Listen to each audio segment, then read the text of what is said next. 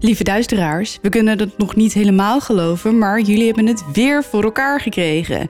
We zijn genomineerd voor een podcast award in de categorie verhalend. En dat was zonder jullie hulp echt nooit gelukt, dus super dank daarvoor. Echt heel erg bedankt. Maar we zijn er nog niet. We gaan nu door naar de volgende fase en dat is het stemmen. En daar hebben we jullie hulp bij nodig. Alleen jullie kunnen ons naar die overwinning helpen. Ga naar podcastawards.nl en stem tussen 20 september en 11 oktober op ons.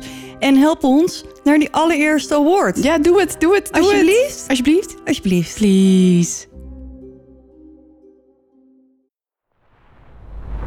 Op een koude februarimorgen in 1964 wordt het lichaam van Hannah Tailford gevonden.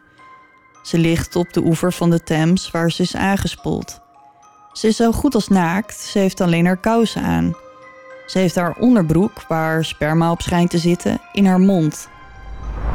Op een klammige avond in 1989 loopt er een man met een stevige pas af op de microfoon op het podium. In de zaal zitten een paar honderd mensen die het jaarlijkse New Age en UFO Festival in Phoenix bijwonen. Het valt stil wanneer de man begint te spreken. Wat hij te vertellen heeft, laat iedereen op het puntje van zijn stoel zitten.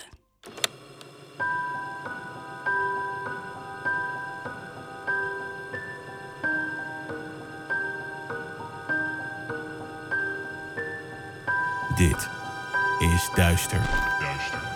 Een podcast waarin je wordt meegenomen naar het onbekende, het onbegrijpelijke. Zwarte bladzijden van de geschiedenis komen voorbij. Hier hoor je de verhalen achter moord, doodslag en onverklaarbare gebeurtenissen. We kruipen in de hoofden van een serie moordenaars, heksen, mythische wezens. Luister. En huiver naar duister. Hallo, lieve duisteraars. Hallo. Welkom bij aflevering 51. Yes. Het feest is afgelopen Geweest. geweest.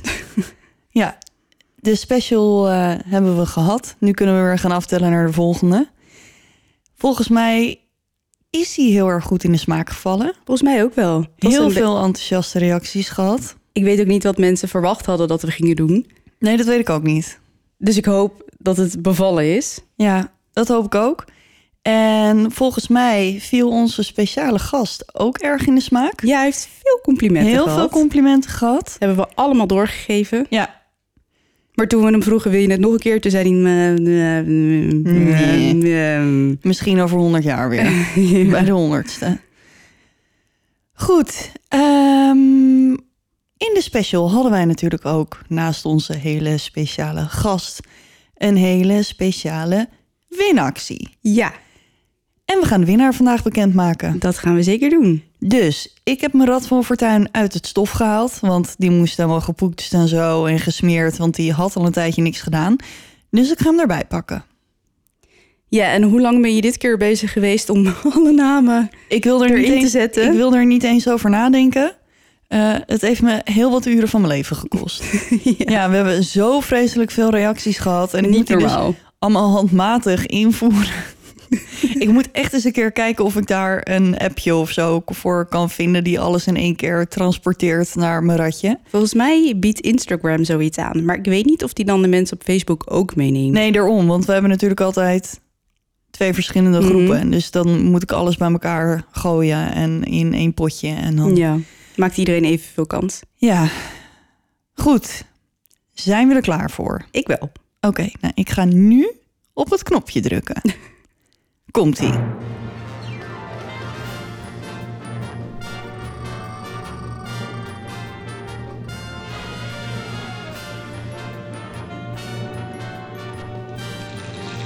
We hebben een winnaar. Oh, spannend. En de winnaar is geworden. Ik denk dat het Kiara is. Het kan ook Ciara zijn. Van Gon. Nou, van harte gefeliciteerd. Gefeliciteerd met je pakket. Hij komt er jij, op. Ja, wat zal jij zen worden? Ja, laat ons vooral even weten wat je ervan vond als je het hebt Ja. gekregen en gebruikt. En gebruikt, ja. Het lijkt me zo fijn. Het ruikt echt heerlijk. Het staat nu bij mij op zolder en daar slapen wij. Dus ik word al een soort van zen wakker. Dat is wel lekker. ja. Maar nou ja, we hebben zelf een bestelling gedaan inmiddels bij. Zen Meisje. Dus we zitten op ons eh, pakketje te wachten. Ja. Ik heb een hele hoop stenen besteld. Ja, Jij wel, hè? Ja, jij bent voor een hanger gegaan. Mhm. En ehm, nou, tegen de tijd dat jullie dit horen, is ons pakket waarschijnlijk al binnen. Dus Ja. volgende keer meer. Zullen we even een paar foto's maken van Ja. jouw bestelling? Ja, Zullen we het allemaal uit kristallen? uit kristallen. En Ja. dan hebben we het uitgekristalliseerd. Ja, precies. Het En dan, ehm gaat ja, wel bergafwaarts. Goed. Nee, maar dus wij wachten nu op onze eigen bestelling. En jouw bestelling komt zo snel mogelijk naar je toe. Wil je alsjeblieft ehm, contact met ons opnemen? Mhm. Eh, want in het verleden namen we altijd contact op met de winnaar. Maar met Facebook is dat eh, vrij lastig. Ja, dat werkt we niet als, zo. Nee, omdat we als bedrijfspagina dus geen mensen mogen benaderen. Ehm, dus als jij ons een chatberichtje stuurt... dan zorgen we dat die zo snel mogelijk naar je toe komt. Goed. Omdat ik aflevering 49 ben begonnen, is en het nu... 50. Is dat zo? Ja. Oh, dat weet ik niet eens meer. oh, goed. Omdat ik 49 en 50 ben begonnen, is het nu jouw beurt om te beginnen. Yes. Ik heb wel een vraag Ja, aan jou. ja. Want wij kregen heel veel vragen of ehm Stef, de vrachtwagenchauffeur uit de special, misschien wil delen met ons waar die parkeerplaats is. Want er zijn dus mensen die daar gewoon Ja. willen gaan kijken. Ja, ja, ik heb dus nog niks van Stef gehoord. En daar baal ik een beetje van. Want ik heb namelijk een deal gesloten met iemand... Oh, Die vroeg om het adres. Ehm, en die heeft dus beloofd om in ruil voor het adres ja. daar naartoe te gaan. Echt? En eh, op zoek te gaan naar het spook. En het dan voor ons te filmen. Oeh. Ehm, dus Stef, we wachten. Als... Als je dit hoort, je dit hoort, alsjeblieft. stuur even een mailtje Ja, met het adres. Ja, dat zou heel fijn zijn. En dan ben ik klaar om te beginnen. nou, take it away. Zou zeggen. Thanks.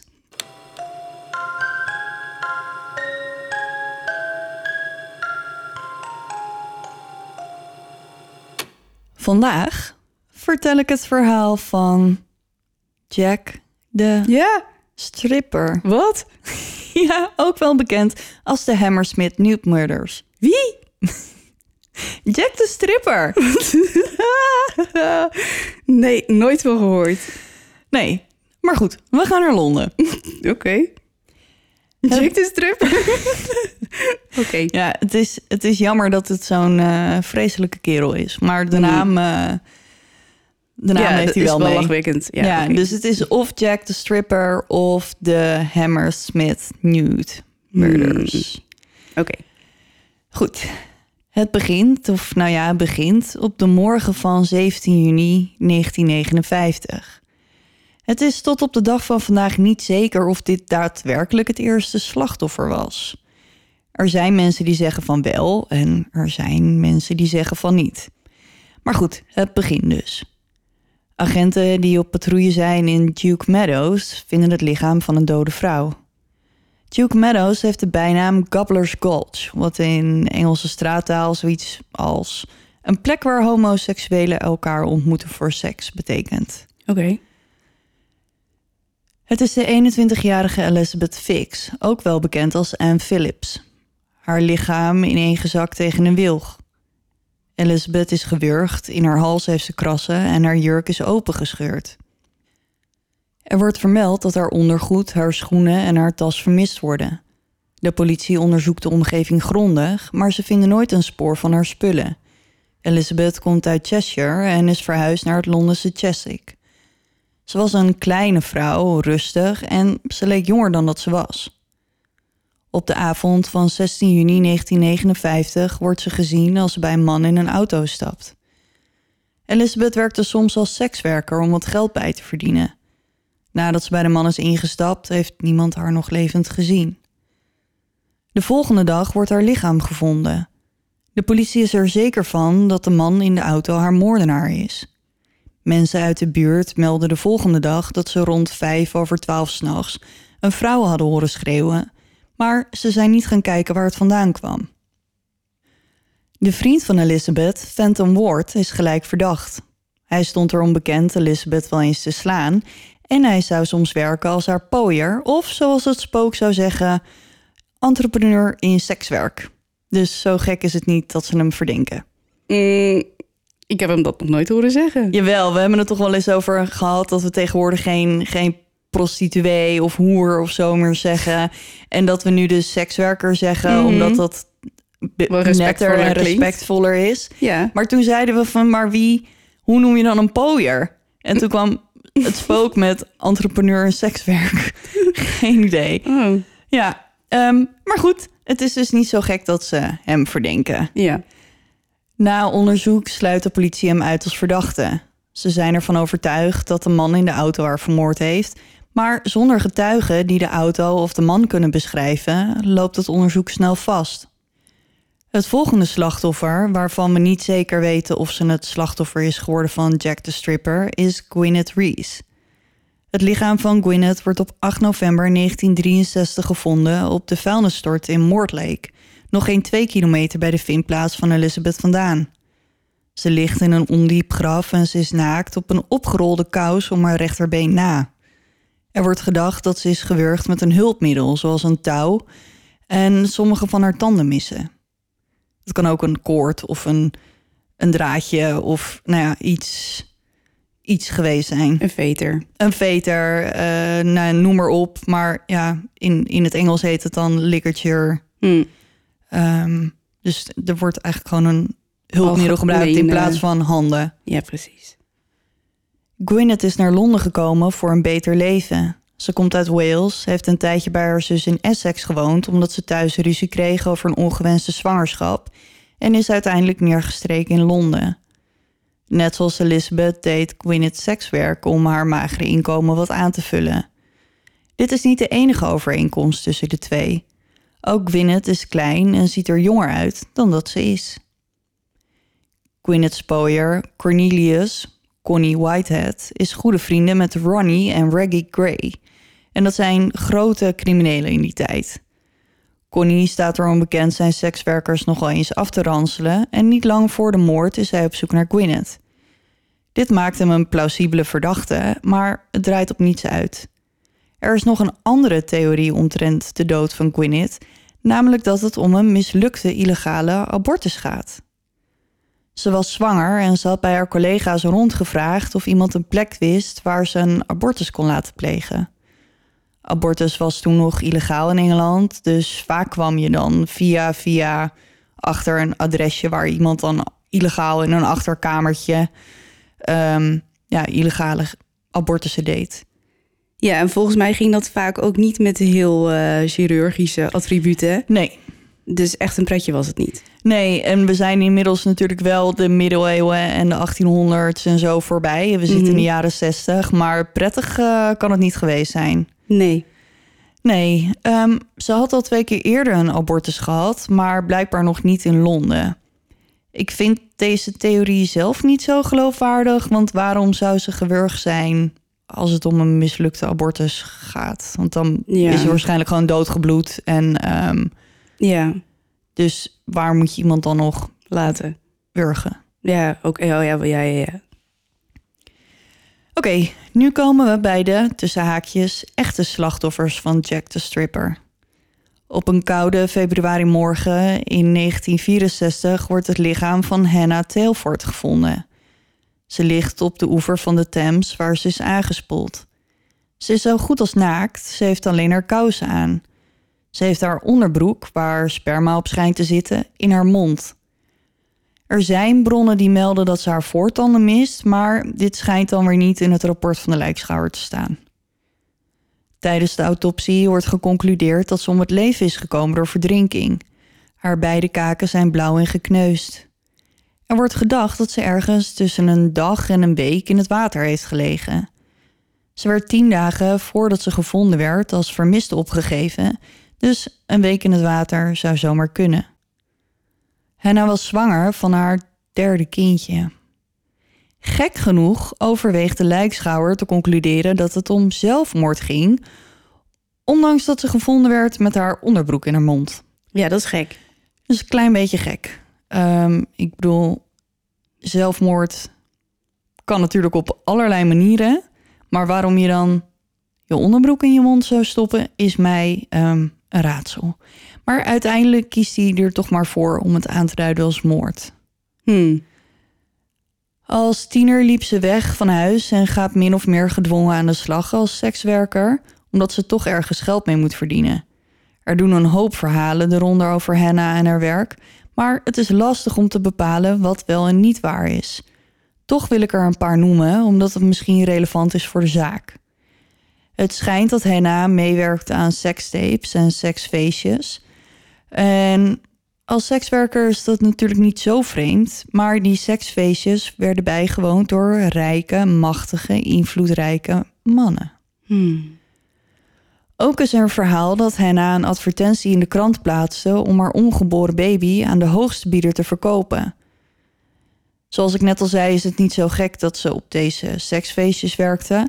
Maar omdat er zoveel machtige mensen bij betrokken zijn, wordt er gespeculeerd dat ze op zo'n feestje vermoord ehm, is. Of door iemand die aanwezig was op zo'n feestje. Ehm, en dat de aanwezige mannen hun invloed hebben uitgeoefend om het onder tapijt te vegen. Ja, ja. Dus vandaar dat ik het toch even wilde noemen. Want het kan dus zijn dat van die machtige mannen. Ja, een soort eh, van doofpot. eh. ja, doofpot. De politie ondervraagt honderden mensen, vooral mannen die er onbekend staan gebruik te maken van sekswerkers. Maar ze verrichten geen arrestatie en al snel raakt de moord op Hannah in de vergetelheid. Totdat er negen weken later, op 8 april 1964, een nieuw lichaam wordt gevonden. Een paar honderd meter bij de vindplek van Hannah vandaan. Het is de 26-jarige Irene Lockwood. Ze drijft met haar gezicht naar beneden in de Thames en ze is naakt.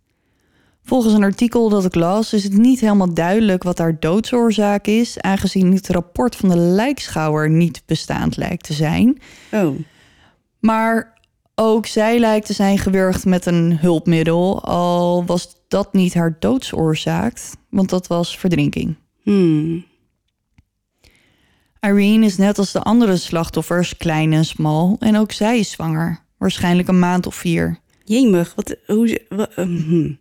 Ja, oké. ja, ja.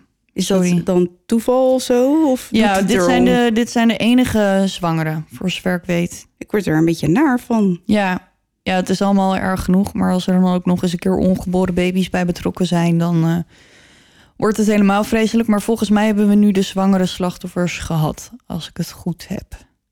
Oké. Irene is ook een sekswerker en er wordt gedacht dat zij, net als Hannah, ook deelnam aan de seksfeestjes. Verder hield ze zich bezig met chantage. Oh, Ja, ze chanteerde haar klanten met foto's om wat extra's te verdienen en ze steelt ook nog eens een keer van ze. Een jaar voor haar dood is haar vriendin Vicky Pender doodgeslagen omdat zij hetzelfde deed. Na de dood van Irene ziet de politie in dat haar zaak en die van Hannah en Gwyneth misschien wel met elkaar te maken hebben. Want er zijn natuurlijk overeenkomsten. Het zijn sekswerkers, zijn op de, ongeveer dezelfde manier om het leven gekomen en worden op een paar honderd meter na op dezelfde plek gevonden. en zijn allemaal klein en lijken jonger dan ze zijn, toch? Ja, precies. Ehm, de pers ziet de gelijkenissen ook en geeft de moordenaar de naam Jack de Stripper. Nog geen drie weken na de vondst van Irene op 27 april loopt Kenneth Archibald het politiebureau van Notting Hill binnen en bekent de moord op Irene. De 57-jarige Kenneth werkt als conciërge op de Holland Park Tennis Club. Hij is al eens eerder ondervraagd over de moord op Irene. In haar huis hebben ze namelijk een visitekaartje met zijn naam gevonden, maar toen ontkende hij dat hij haar kende. Nu vertelt hij de agenten dat hij Irene op de avond van haar dood heeft gezien. Ze kregen een dronken ruzie en hij wurgde haar, waarna hij haar in de Thames gooide.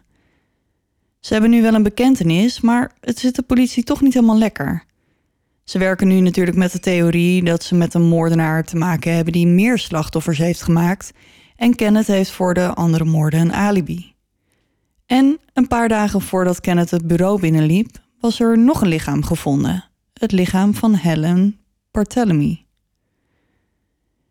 Kenneth moet toch voorkomen voor de moord op Irene, maar tijdens de rechtszaak trekt hij zijn bekentenis in. Hij claimt dat hij de bekentenis deed omdat hij dronken en depressief was. Er was verder geen enkel bewijs tegen hem, echt helemaal niets. Dus op 23 juni wordt hij vrijgesproken. Oké, even terug in de tijd naar de vondst van Helen. Ze wordt gevonden op 24 april 1964, twee weken na de vondst van Irene. Ze is 22 jaar oud, ze is gewurgd met een hulpmiddel en ze is naakt. Haar neus en jukbeenderen zijn opgezet alsof ze is geslagen en ze mist drie van haar voortanden. De vindplaats van Helen wijkt af van die van de eerdere slachtoffers. Ze wordt namelijk niet in of bij het water gevonden, maar in een steeg. Toch ziet de politie zoveel overeenkomsten in de verwondingen van de vrouwen dat ze er zeker van zijn dat ze aan de andere gelinkt is. Niet alleen de verwondingen lijken op elkaar, ook in uiterlijk zijn er overeenkomsten. Verder ontdekken ze dat alle slachtoffers ten tijde van hun moord net een SOA hebben gehad of er ten tijde van hun moord een hebben. Ze denken dat de moordenaar van zijn normale dunplaats is afgeweken omdat er nu veel meer politie aanwezig is langs de oevers van de Thames. Dus het risico om zijn slachtoffers daarachter te laten is veel groter. Maar blijkbaar heeft die moordenaar een SOA. Tenminste, dat, dat, Dat kan. Dat kan. Als hij seks heeft gehad met iemand die een ja. SOA had op dat moment. Dat kan Eh, inderdaad. ja, maar als hij zijn slachtoffers verkracht heeft en daarna vermoord. Ik weet niet hoe lang het duurt voor een SOA om zich te ontwikkelen in een lichaam. Maar als hij het SOA heeft doorgegeven aan zijn slachtoffers. Ja, maar sommige waren dus al genezen. Dus dat, Oh, dan zou je... dan gaat die vlieger niet op. Nee, maar het zou inderdaad wel kunnen dat hij een SOA van ze heeft opgelopen. Ja, en dat vervolgens heeft Ja. doorgegeven. Ja. Goed. Helen is ook een sekswerker. Ze beschreef zichzelf als stripper en ze was vanuit Blackpool naar Londen gekomen. Niet lang voordat ze naar Londen kwam, werd ze vrijgelaten uit de gevangenis waar ze vast zat voor een misdaad. Joh, je weet het. Ze zat vast omdat ze ervan beschuldigd werd een klant naar het strand te hebben gelokt, waar hij vervolgens door drie mannen werd belaagd. Ze kreeg vier jaar, maar kwam na drie maanden alweer vrij. In Londen koos ze weer voor sekswerk, want daar was ze natuurlijk al bekend mee. Ze hing vaak rond in jazzclubs en volgens de politie was ze verslaafd aan Indian hemp, beter bekend als cannabis. Oké. Ja, ik had er nog nooit van gehoord, Nee, deze beschrijving. Maar goed, we weten allemaal wat cannabis is, denk ik. Eh, ja. Ja, toch? Helen is de eerste die de politie een aanwijzing geeft naar de moordenaar. Op haar lichaam vinden ze verfdeeltjes. Deze verf werd gebruikt in het spuiten van auto's en andere metalen. Haar lichaam is ook vies, alsof ze eerst ergens anders was vastgehouden, bijvoorbeeld in een werkplaats of een schuur waar deze verf gebruikt werd, voordat ze werd gedumpt in de steeg. De politie denkt dat als ze de werkplaats of schuur vinden, dat ze dan de moordenaar ook kunnen vinden. Omdat de moordenaar afwijkt van zijn normale patroon door Helen in een steeg achter te laten, bedenkt de politie andere manieren om de moordenaar op te sporen. Ze besluiten s'nachts te posten in het gebied en elk kenteken te noteren van auto's die s'nachts door de buurt rijden. Verder zetten ze vrouwelijke agenten die lijken op de slachtoffers vermomd als sekswerker in als soort van lokaas. Mhm. In de hoop dat de moordenaar toeslaat en ze hem op heterdaad kunnen betrappen. Helaas kunnen ze niet voorkomen dat Jack de stripper nog een slachtoffer maakt. Op 14 juli vinden ze weer een lichaam. Deze keer zit de naakte vrouw tegen de deur van een garage aan in een woonwijk in Chiswick. Het is de 30 jaar oude Mary Fleming. Mary wordt geboren in Schotland en groeide op in Newcastle. Ze is moeder van vier kinderen en nadat haar huwelijk op de klippen loopt, verhuist ze naar Londen. Mary mist haar voortanden, ze is gewurgd en dezelfde verfdeeltjes als op Helens lichaam worden ook op haar gevonden. Er is alleen een verschil tussen Mary en de andere slachtoffers. Mary's lichaam laat sporen zien die erop wijzen dat ze heeft gevochten voor haar leven, iets wat bij de anderen niet te zien was. Mary werkt al meer dan tien jaar als sekswerker en staat erom bekend een harde tante te zijn. Ze vertelt vol trots aan mensen die het horen willen dat ze een keer vocht met iemand die haar had willen wurgen en dat het hem dus duidelijk niet gelukt was, want ze was er nog. Ze wist hoe hard het leven op de straat kon zijn en had altijd een mes bij zich om zichzelf te beschermen. Helaas was dit niet genoeg om haar te beschermen tegen Jack de Stripper. Vlak voordat het lichaam van Mary wordt gevonden, even voor vijf s morgens, horen mensen uit de buurt een auto achteruit rijden in de straat en daarna in volle vaart wegrijden. Jammer genoeg ziet niemand de auto, dus de politie heeft wederom niets om op af te gaan. Ze zijn ervan overtuigd dat het niet lang meer kan duren voordat Jack een fout maakt, want hij lijkt nu steeds meer risico's te nemen. En als hij die fout maakt, dan zijn ze er klaar voor om achter hem aan te gaan. Op 24 november 1964 wordt er weer een naakt lichaam gevonden. Haar naam is Frances Brown, of tenminste dat is haar alias. Haar echte naam is Margaret McGowan, een Schotse die naar Londen kwam voor een beter leven. Haar lichaam wordt ontdekt in een drukke straat in Kensington, tot de verrassing van de politie. Dit is namelijk niet de strippers normale buurt. Ja, oké, het is nog steeds in West-Londen, maar de plekken waar de andere slachtoffers werden gevonden lagen echt in een andere buurt, meer industrie- en woonwijk dan het drukke hippe Kensington. Het slachtoffer past ook wel bij deze buurt. Ook zij is een sekswerker, maar ze stond er onbekend meer high-end klanten te hebben dan de andere slachtoffers. Er zijn echter ook overeenkomsten. Ze is dus naakt, ze mist een tand, ze is gewurgd en op haar lichaam vinden ze verfdeeltjes. Er bestaat dus geen twijfel of ze, ondanks haar vindplaats, slachtoffer is van Jack de Stripper. Tijdens het onderzoek blijkt dat Francis een connectie heeft met Hannah Tailford, die eerder werd gevonden. Beide werden ze gelinkt aan de Profumo-affaire. Ik wil hier niet al te veel over uitweiden, maar de Profumo-affaire is een politiek schandaal dat zich afspeelde rond 1963 in Engeland. Ik heb even een korte Wikipedia-uitleg. Ik hoop dat het dan wat duidelijker wordt. Maar goed, het begon in 1961 tijdens een feest op het landhuis Cliveden van Lord William Astor in Buckinghamshire. Buckinghamshire? Die ja. Dit werd georganiseerd door de osteopaat, tussen haakjes alternatief genezer, Dr. Stephen Ward. Geen familie van Phantom Ward, waar we het net over hadden. Ik dacht dat osteopathie vrij uh, nieuw was. Nou ja, in Blijkbaar de, niet. Nee, in de jaren 60 was het er dus al. Hmm, cool. Hier leerde Profumo de 19-jarige callgirl en model Christine Keeler kennen. Een andere versie van het verhaal is dat hij haar had meegenomen vanuit een nachtclub.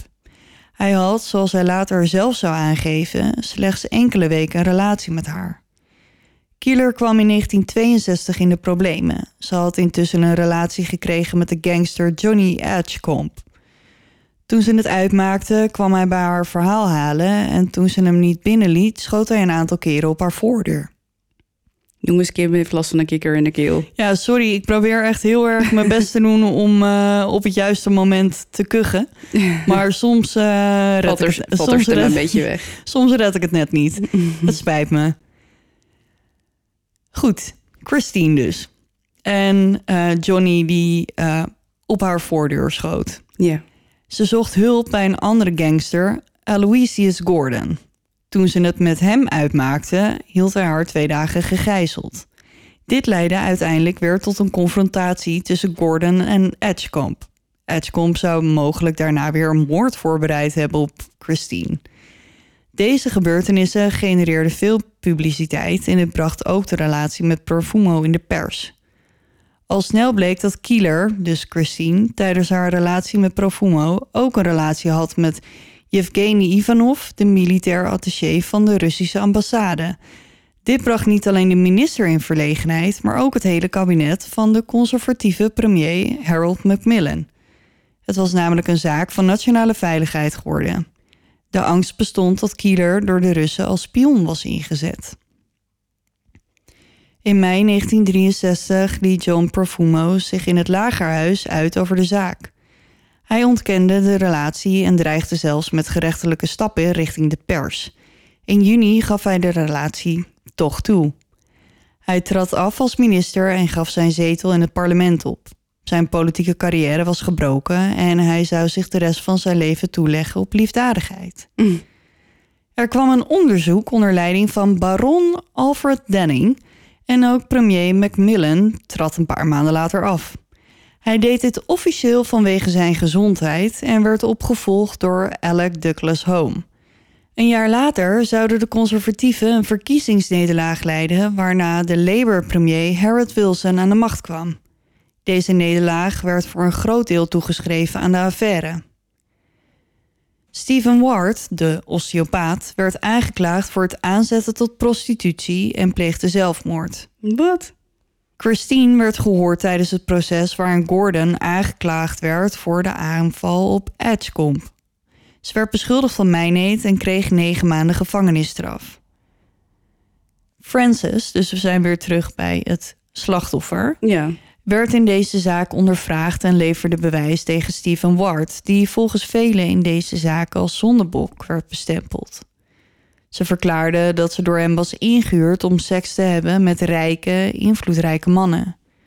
Door de connectie die gemaakt wordt tussen de slachtoffers en de Profumo-affaire zijn er mensen, zoals schrijvers, die denken dat de betrokkenen bij de Profumo-affaire ook verantwoordelijk zijn voor de Hammersmith-Newt-moorden.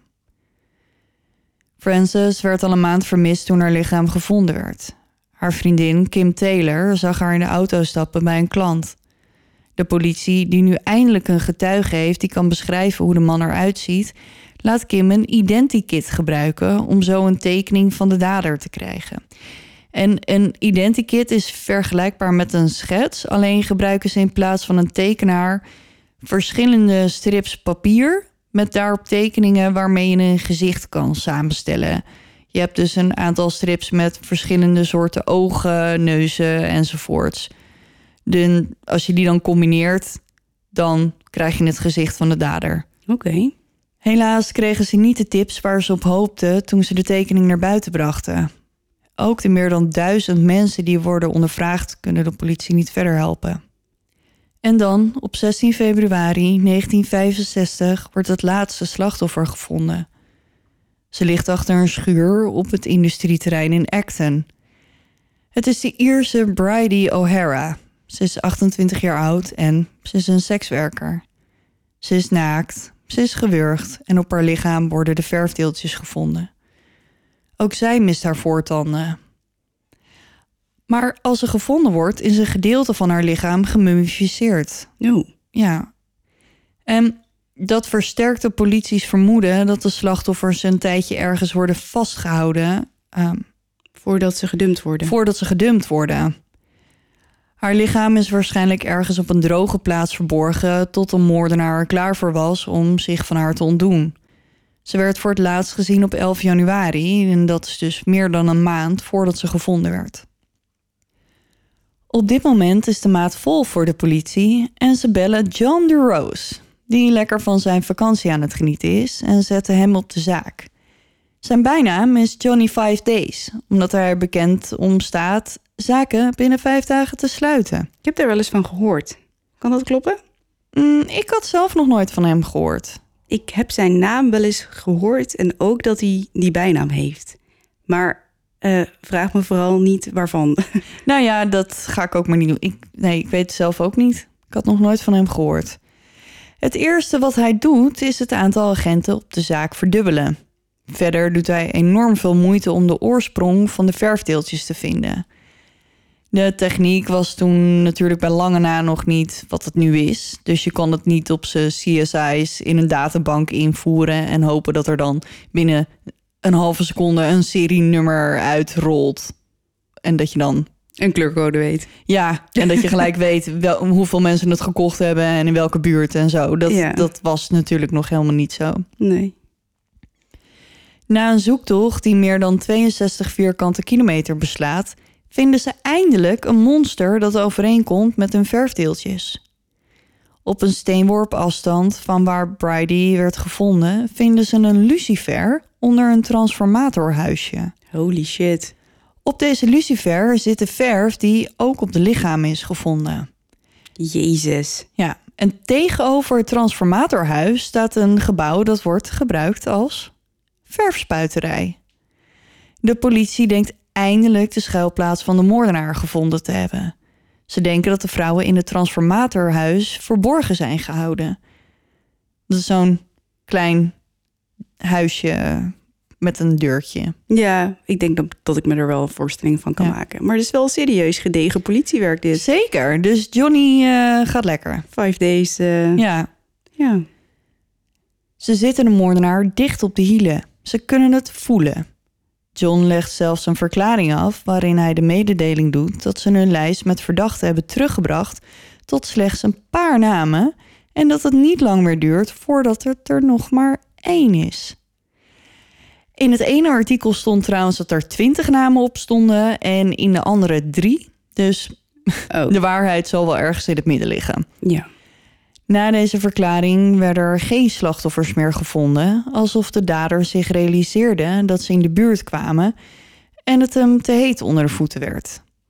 De politie interviewt meer dan 7000 mensen, ze onderzoeken honderden aanwijzingen, maar de moordenaar krijgen ze niet te pakken. Er werden ook geen nieuwe slachtoffers meer gevonden. Dus waar is Jack gebleven?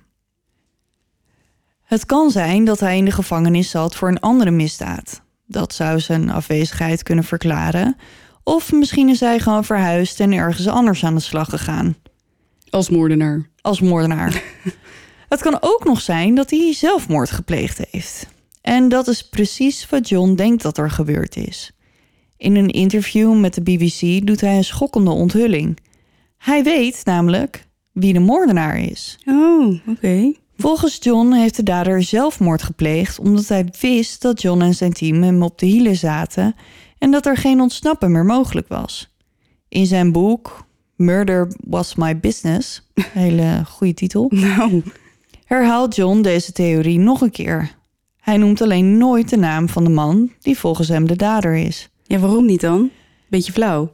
Nou ja, hij refereert wel naar hem als Big John, maar Big. John? Ja, dat zou dan de dader moeten zijn. Maar naar eigen zeggen noemt hij de naam verder niet om de familie van de moordenaar het leed te besparen. Ja, ja. Hij kan het gewoon niet bewijzen, punt. Dat is. Ja. In het boek Jack of Jumps, dat is dus niet te verwarren met Spring Heel Jack, wordt er wel een verdachte genoemd door auteur David Seabrook, namelijk Mungo Ireland. Mungo werkte kort als politieagent, maar stopt als hij wordt gepasseerd als kandidaat voor een recherchefunctie. Hij werkte als bewaker bij Heron Trading, waar het laatste slachtoffer werd gevonden. Hij reed in een busje dat erg leek op het busje dat werd gezien in het gebied waar Mary werd gedumpt. Ten slotte werkte hij van 10 uur 's avonds tot 6 uur 's ochtends, wat hem genoeg gelegenheid gaf om de moorden te plegen en de vrouwen te dumpen in het hols van de nacht. Mungo pleegt in 1965 zelfmoord. Hij laat een briefje voor zijn vrouw achter waarin het volgende staat. Ik houd het niet langer vol. Het kan mijn schuld zijn, maar niet alles. Het spijt me zo dat Harry het tot last is. Geef mijn liefde aan het kind. Vaarwel. Jock. PS. Als jij of de politie me zoekt, ik ben in de garage. Ik weet niet wie Harry is, maar ik gok dat het misschien zijn kind is. Ja. Ze vinden Mungo in de garage waar hij om het leven is gekomen door koolmonoxidevergiftiging. Oké. Zo op het eerste gezicht lijkt Mungo dus de perfecte verdachte te zijn. Maar als je verder kijkt en je neus lang is, ontdek je al snel dat er nogal wat aan dit perfecte plaatje schort. Zo ontdekt journalist Owen Summers bijvoorbeeld in 1972 dat Mungo ten tijde van de moord op Bridie helemaal niet in Londen is. Sterker nog, hij is niet eens in Engeland. Oh, dan wordt het wel lastig om een moord te plegen. Ja, want hij zit namelijk in Schotland. Hm. Dat betekent natuurlijk niet dat hij dan niet voor de andere moorden verantwoordelijk kan zijn. Maar omdat ze vrijwel zeker zijn dat de moorden door één dezelfde persoon gepleegd zijn, is de kans dat het Mungo was gewoon niet zo heel groot. Nee.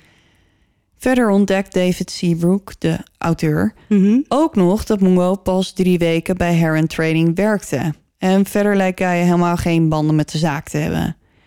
En dit is niet het enige waar David mee komt. Hij beweert bewijs te hebben dat hij aan kan tonen dat John vijf days Durose corrupt was. Oh? Volgens David schuift John de schuld op een dode man om zijn hachje nog een beetje te redden. Corrupt als in wat? Als dat, in hoe? Dat, dat weet ik niet. Maar hij zal wel steekpenningen eh, omgekocht. Geen idee. maar in deze Macht- zaak of in meerdere zaken? Nou, misschien gewoon in zijn carrière als geheel. Oké, oké. Ja, dus hij denkt van... joh, hè, als ik nou deze zaak oplos tussen haakjes... dan ben ik de held, want dan heb ik een seriemoordenaar gepakt... en dan kijken, ze misschien niet meer zo naar mijn corrupte bestaan. Hm. Of zoiets. Volgens David. Ja, oké. Dat is zijn theorie. Ten slotte lijkt er ook een verklaring te zijn voor de zin... als de politie me zoekt in zijn zelfmoordbriefje. De dag dat hij zelfmoord pleegde... moest Mungo namelijk voor de rechter verschijnen... voor een verkeersovertreding. Dan is het natuurlijk niet zo gek dat hij denkt... dat de politie hem komt zoeken als hij niet op kon dagen. Mungo's huwelijk verkeerde in zwaar weer... dus dat zou ook zomaar eens de reden voor zijn zelfmoord geweest kunnen zijn. Dan komen we bij de volgende verdachte, Freddie Mills. Freddie is in de jaren 40 een superpopulaire bokser. Ooit werd hij gezien als de grootste bokster van Engeland en in 1948 wordt hij wereldkampioen in de lichtgewichtklasse. Als hij 30 is, gaat hij met pensioen en dat is in 1950. Op 24 juli 1965 wordt Freddie ontdekt in zijn auto met een schotwond in zijn hoofd.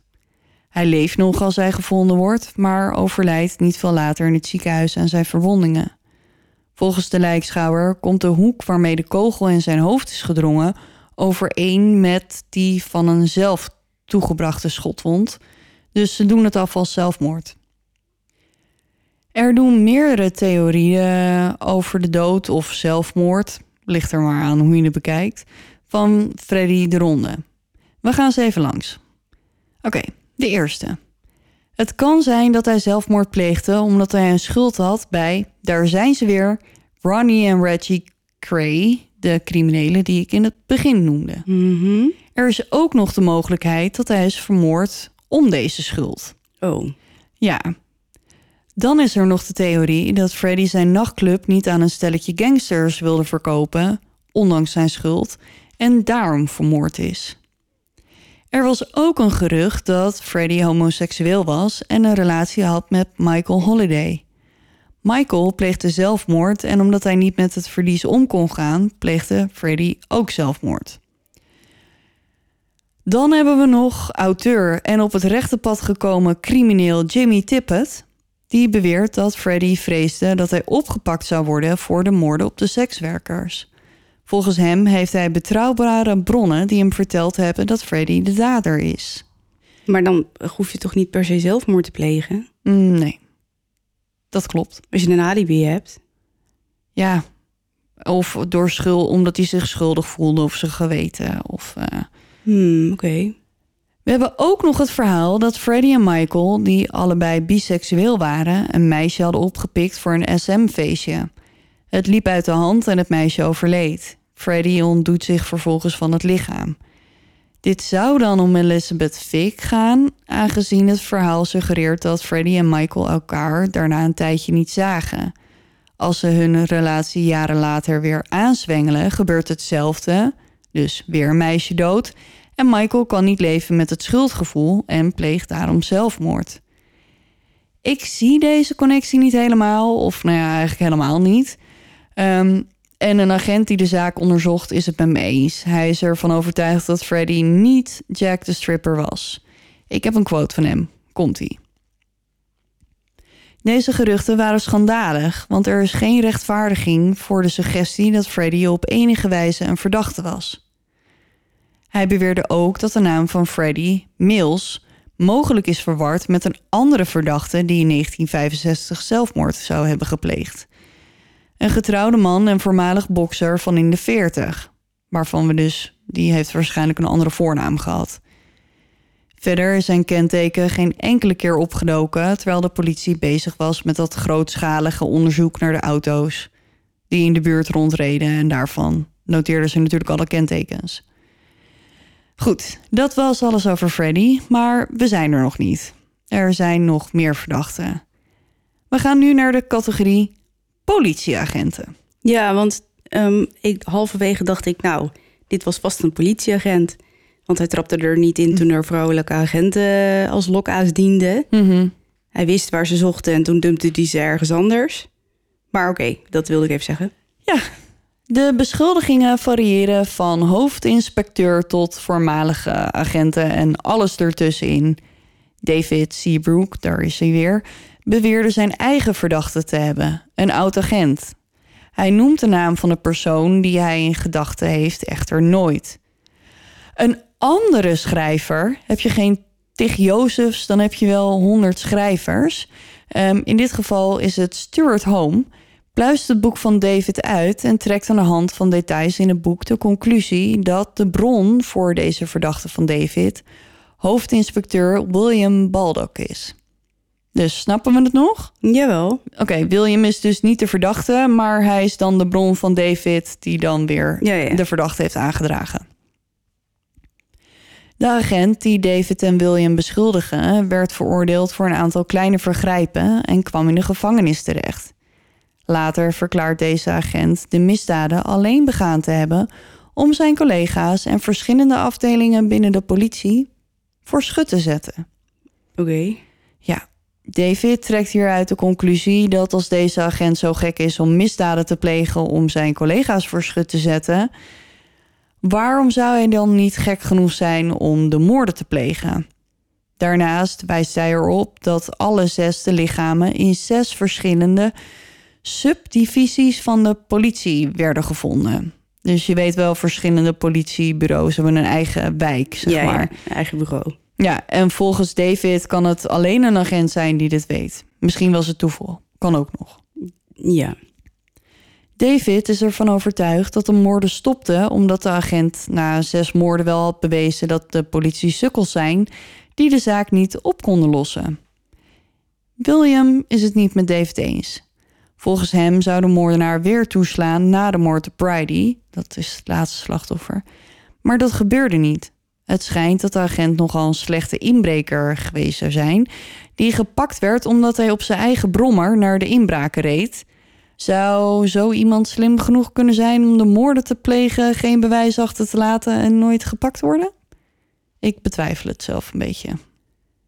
Oké, we gaan verder naar de Profumo-affaire, dat stuk waar ik jullie net over heb verteld.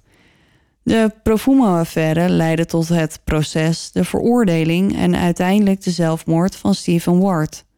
Er wordt geloofd dat Stephen er ingeluisterd werd door corrupte agenten die werden betaald door Labour-parlementsleden. De regering werd toen geleid door de conservatieven en het was de bedoeling dat die ten val gebracht zouden worden. Twee van deze agenten zouden sekswerkers bedreigd hebben om ze valse verklaringen af te laten leggen over Stephen Ward. In 1966 stierf één van deze agenten aan een hartaanval met 30.000 pond op zijn rekening. Dat was een verdacht groot bedrag, want zoveel verdient een agent helemaal niet en toen helemaal niet. Maar je kan toch sparen? Ja, maar ik weet niet hoe oud deze man was, maar ik denk dat de salaris echt een, salarissen echt een stuk lager lagen toen. Jawel, maar het is niet onmogelijk. Maar goed, ik snap wel dat het... Nee, maar het is eh, redelijk het is verdacht. Ja. Dus zou hij dit geld verdiend hebben met het opknappen van smerige klusjes? Zijn partner, en dan niet zijn levenspartner, maar zijn werkpartner, Ja. Vertrok het jaar daarop naar Australië en lijkt van de aardbodem verdwenen. Er wordt gespeculeerd dat deze mannen betaald werden, de sekswerkers die niet mee wilden werken, ehm, dat ze die om het leven brachten om de doofpotaffaire niet ehm, in gevaar te brengen. Want als ze dood zijn, dan kunnen ze dus niet praten. Laatste verdachte. We zijn er bijna. Onze laatste verdachte is Harold Jones. Harold, ook wel bekend als Harry Jones en Harry Stevens, is een stille man uit Abertillery, Zuid-Wales. ja, ik zei vanmiddag dat heet het Abertilly, maar het is dus Abertillery Oké. uit Wales. Ja. Hij verhuist in de jaren 40 naar Londen en leidt een rustig leven met zijn vrouw en kinderen. Als Harriet 15 is, wordt hij veroordeeld omdat hij twee jonge meisjes heeft vermoord. Zijn eerste slachtoffer is de dan acht jaar oude Frida Burnell, die hij een schuur of de winkel van zijn familie of de schuur achter de winkel van zijn familie binnenlokte. Dat werd me niet helemaal duidelijk, maar gevalletje verschillende bronnen zeggen verschillende dingen. Maar hij lokt er dus mee In de schuur. in een schuur, er- ergens. Eenmaal in de schuur misbruikt en vermoordt hij haar door haar te wurgen. Later die avond dumpt hij haar in een nabijgelegen straat. De volgende morgen wordt kleine Frida gevonden en Harold wordt opgepakt. Hij verschijnt voor een jury, maar ze hebben er moeite mee om hem schuldig te verklaren. De jongen is pas 15 jaar oud. Hij kan het toch niet gedaan hebben? Nou, dat kan heel goed. Dat kan heel goed, daar weten we alles van. Ja. Hij wordt dus vrijgesproken en keert terug naar Abertillery, waar hij als een soort van held onthaald wordt. Volgens de inwoners van het dorp kan hij het niet gedaan hebben. Niet iemand uit hun eigen gemeenschap. Het kan alleen maar een buitenstaander geweest zijn. Een van de mannen die hem met open armen ontvangt is George Little, een buurman en een familievriend van de familie Jones. Niet lang na zijn terugkeer in zijn dorp vermoordt Harold de dochter van George, de elf jaar oude Florence Little. Hij lokt haar zijn huis binnen, snijdt haar in de keuken de keel door en sleept haar naar zijn zolder. Haar lichaam wordt daar ontdekt en het is Harold's eigen vader die hem achterna zit door de straat en hem in zijn kladden grijpt om hem vervolgens over te leveren aan de politie. Deze keer komt Harold er niet mee weg. Hij wordt opgepakt en veroordeeld. Door zijn leeftijd wordt hij niet ter dood veroordeeld en na 20 jaar komt hij vrij in 1941. In 1947 duikt hij op in Londen. Na zijn vrijlating keert hij nog regelmatig terug naar zijn geboortedorp om zijn ouders te bezoeken en een bezoekje aan de graven van de meisjes te brengen. In Londen schijnt hij een rustig leven geleid te hebben. Hij trouwde en kreeg een dochter. Toch zou hij zomaar Jack the Stripper geweest kunnen zijn. Tromgeroffel, want er is namelijk een schrijver. We hebben er nog niet genoeg. Nee. Neil Milkins eh, deed onderzoek naar Harold voor zijn boek over de moorden in Abertillery. Hij stopt niet bij de gevangenisstraf van Harold, maar zoekt verder naar wat hij deed na zijn vrijlating. Hij ontdekt dat Harold vlak bij de vindplaatsen van drie van de slachtoffers woonde. Dat niet alleen, hij werkte een tijdje als plaatwerker, waar hij makkelijk in aanraking kan zijn gekomen met de verf die gevonden werd op de slachtoffers. En weet je waar hij zijn werk deed? Eh, nee. Heron Industrial. Dus dat is waar die anderen ook Oh ja. werkten en zo. De moorden stopten rond de tijd dat Harold botkanker kreeg, waar hij in 1971 aan overleed. De theorie van Neil wordt ondersteund door eh, professor criminologie David Wilson, die de zaak onderzocht heeft. Helaas is Harold ten tijde van de moorden nooit op de radar van de politie verschenen. Zoals ik al eerder zei, de techniek en de middelen die we nu tot onze beschikking hebben, hadden ze toen nog niet. Er was geen databank met daarin alle veroordeelde criminelen. Als ze daarin hadden kunnen zoeken, dan hadden ze waarschijnlijk gezien dat er in de buurt een veroordeelde moordenaar woonde, die er een handje van had zijn slachtoffers eerst nog een tijdje te verbergen voordat hij ze ergens achterliet om gevonden te worden en er ook nog eentje gewurgd heeft en zo. En dat is het einde van Jack the Stripper. Een zaak waar ik dus nog nooit van gehoord had. Nee, ik ook niet. En eh, blijkbaar zijn er heel veel mensen die zich erover verbazen. Want ik lees dan natuurlijk een hoop als ik aan het onderzoeken ben. Mhm. Heel veel mensen die zich erover verbazen dat deze zaak zo weinig aandacht heeft gekregen. Ehm, dat is misschien toch een beetje terug te leiden naar het feit dat het om sekswerkers ging. Want die staan of stonden altijd nogal laag op een ja, ranglijstje. Lage prioriteit. En die zaak is op de een of andere manier gewoon een beetje in de vergetelheid geraakt. Ja, of het was ook een doofpot affaire. Kan, maar sowieso zaken waar sekswerkers bij betrokken zijn. ehm, ja, krijgen toch altijd net of iets minder aandacht dan. eh, Ja, terwijl ze in het begin, eh, die, hoeveel zei je, 64 vierkante kilometer? ja, Dat is niet misselijk. nee. Dus maar dat, is- kwam, dat kwam pas eh, na Johnny Five Days. Ja, oké. Maar Ja. goed, ja, maar goed, het is wel gedaan. Maar ja, dat neemt niet weg dat de moordenaar niet gevonden is. Nee. Ik, als ik de verdachte afga, denk ik toch dat de laatste Harold. de meeste schijn, ja. schijn tegen heeft. Ja. En dat hele politieke schandaal en zo. Ja, Nou, maar worden daar echt moorden voor gepleegd? Ja, in sommige gevallen. Maar ik denk het wel. En ik kan me ook heel goed voorstellen dat die corrupte agenten gewoon een beetje een zak centje bij verdienen als soort van. Ja, die gewoon grof geweld in kunnen zetten als het nodig is en iemand kunnen intimideren. Maar ja, ik weet het niet. nee, ik weet het ook niet. Ik blijf bij Harold. Ik ook. Ben je klaar voor die van jou? Eh, ja. Nou, ga je, heel lang. nou, ga je gang dan maar. Oké.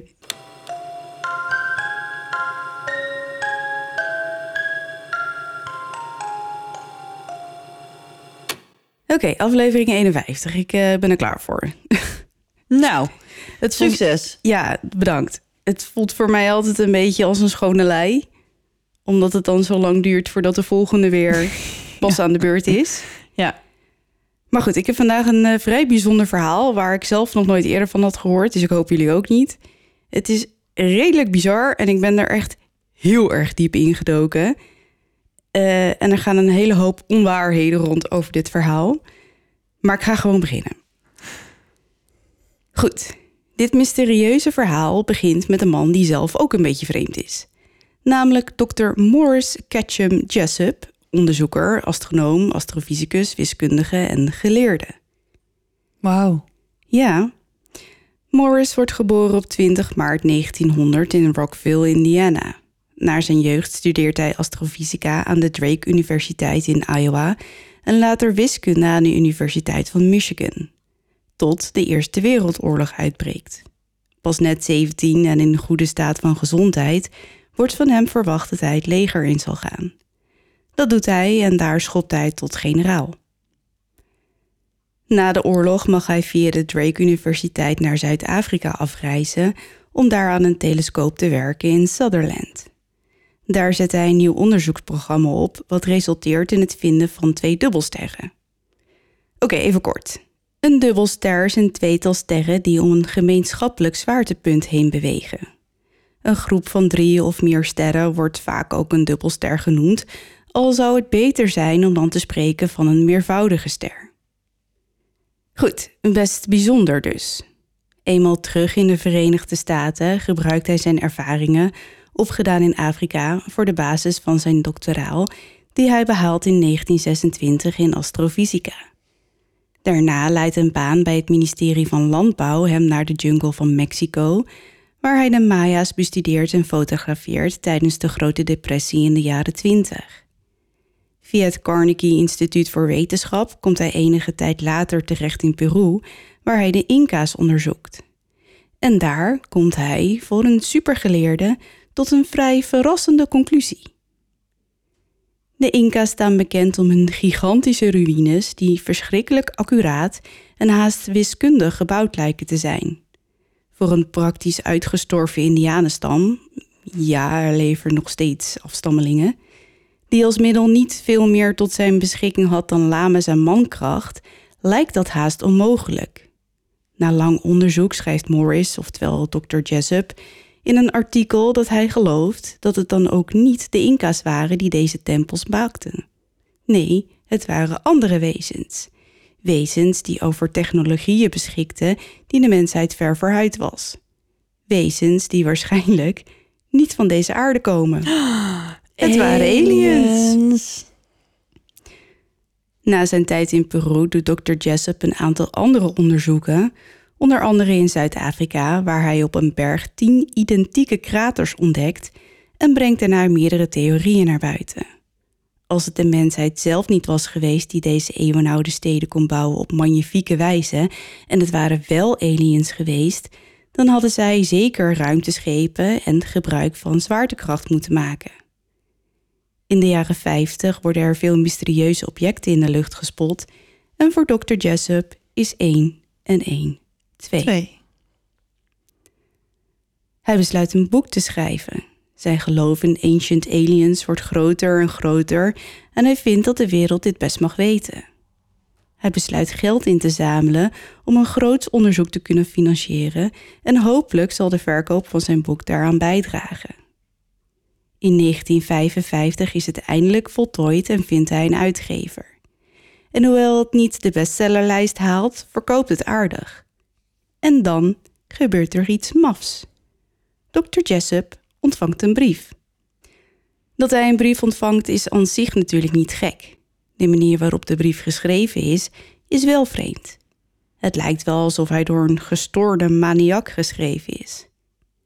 In de tekst wordt geen enkele interpunctie gebruikt, geen leestekens en sommige woorden hebben in het midden een hoofdletter en bevatten spelfouten.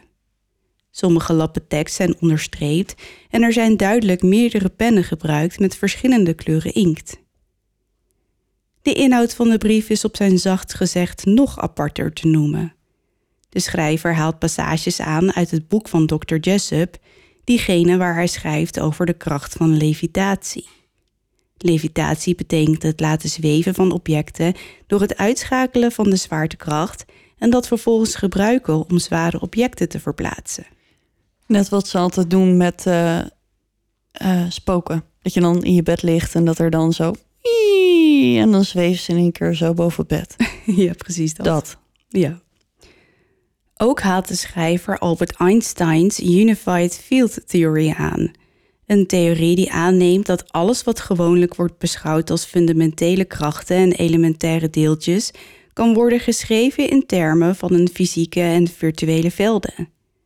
Volgens de moderne ontdekkingen in de natuurkunde worden krachten niet rechtstreeks overgedragen tussen objecten die op elkaar inwerken, maar worden ze beschreven en onderbroken door intermediaire entiteiten die velden worden genoemd.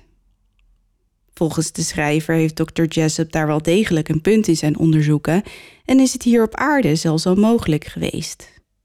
Enigszins verwonderd leest Dr. Jessup de hele brief, die gesigneerd is door ene Carlos Miguel Allende en een postzegel heeft uit Pennsylvania. Dr. Jessup vindt het allemaal heel interessant, maar vergeet de brief. Maanden later ontvangt hij er nog een. In deze brief staan allerlei vage theorieën en gebrabbel, maar één gedeelte is wel interessant. Carlos schrijft dat Dr. Jessup moet zoeken naar een bepaald artikel geschreven in de winter van 1943, waarin beschreven wordt dat de marine geheime experimenten heeft uitgevoerd op een schip, waarna het met de gehele bemanning verdween en tien seconden later honderden kilometers verderop verscheen, om daarna, na enkele uren, plots weer terug te zijn in de haven waar het in eerste instantie gepositioneerd lag. En dat hij, Carlos, het hele zootje zag gebeuren. Wauw. Dr. Jessup schrijft terug dat hij geïntrigeerd is door de brief en verzoekt Carlos om meer bewijs. En ja hoor, er volgt weer een brief. Deze bevat toespelingen op het gebruik van levitatie, hypnose, waarheidsserum en buitenaardse aandrijfsystemen door de Amerikaanse marine. Dr. Jessup is verbouwereerd. Of hij heeft te maken met een gigantische hoax, of hij heeft het verhaal van de eeuw te pakken. Maar toch, ondanks zijn interesse gewekt is, laat hij het erbij. Hij is druk met het schrijven van zijn volgende boek en heeft andere zaken aan zijn hoofd. Wat er nu volgt is een vrij bizarre wending in dit verhaal. Oh, dat komt nu pas. Ja, dat komt nu pas. We gaan naar begin augustus 1955, een aantal maanden voordat Dr. Jessup de eerste brief ontvangt. Oké, terug in de tijd. Burgemeester Daryl Ritter krijgt op een namiddag een envelop, die in eerste instantie niet voor hem bedoeld is, in handen met daarin een smoeselig en aanzienlijk gebruikt boek. Het is het boek The Case for the UFO, geschreven door Morris Ketchum Jessup. In het boek zijn sommige passages onderstreept en gehighlight en hier en daar zijn aantekeningen gemaakt met verschillende kleuren pen. Uit de aantekeningen blijkt dat de vorige eigenaar van dit boek blijkbaar veel verstand heeft van UFO's, levitatie en experimenten met anti-zwaartekracht door de overheid.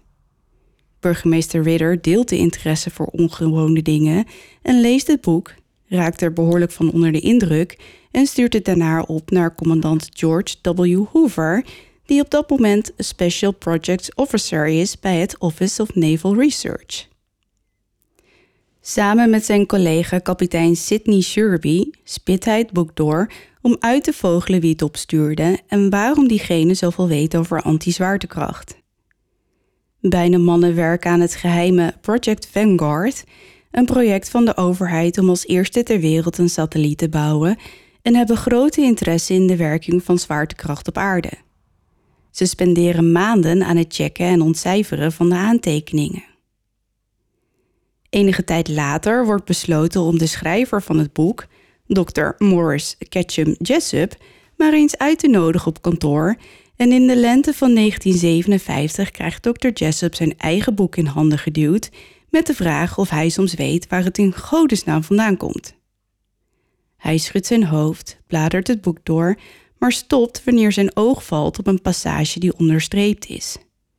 In de aantekeningen wordt verwezen naar een geheim experiment met anti-zwaartekracht uit 1943, uitgevoerd op een marineschip. Meteen realiseert hij zich dat hij dat al eens eerder heeft gelezen en herinnert hij zich de brieven van Carlos. Daarna is de link met het mysterieuze boek en de waarschijnlijke verzender ervan snel gelegd.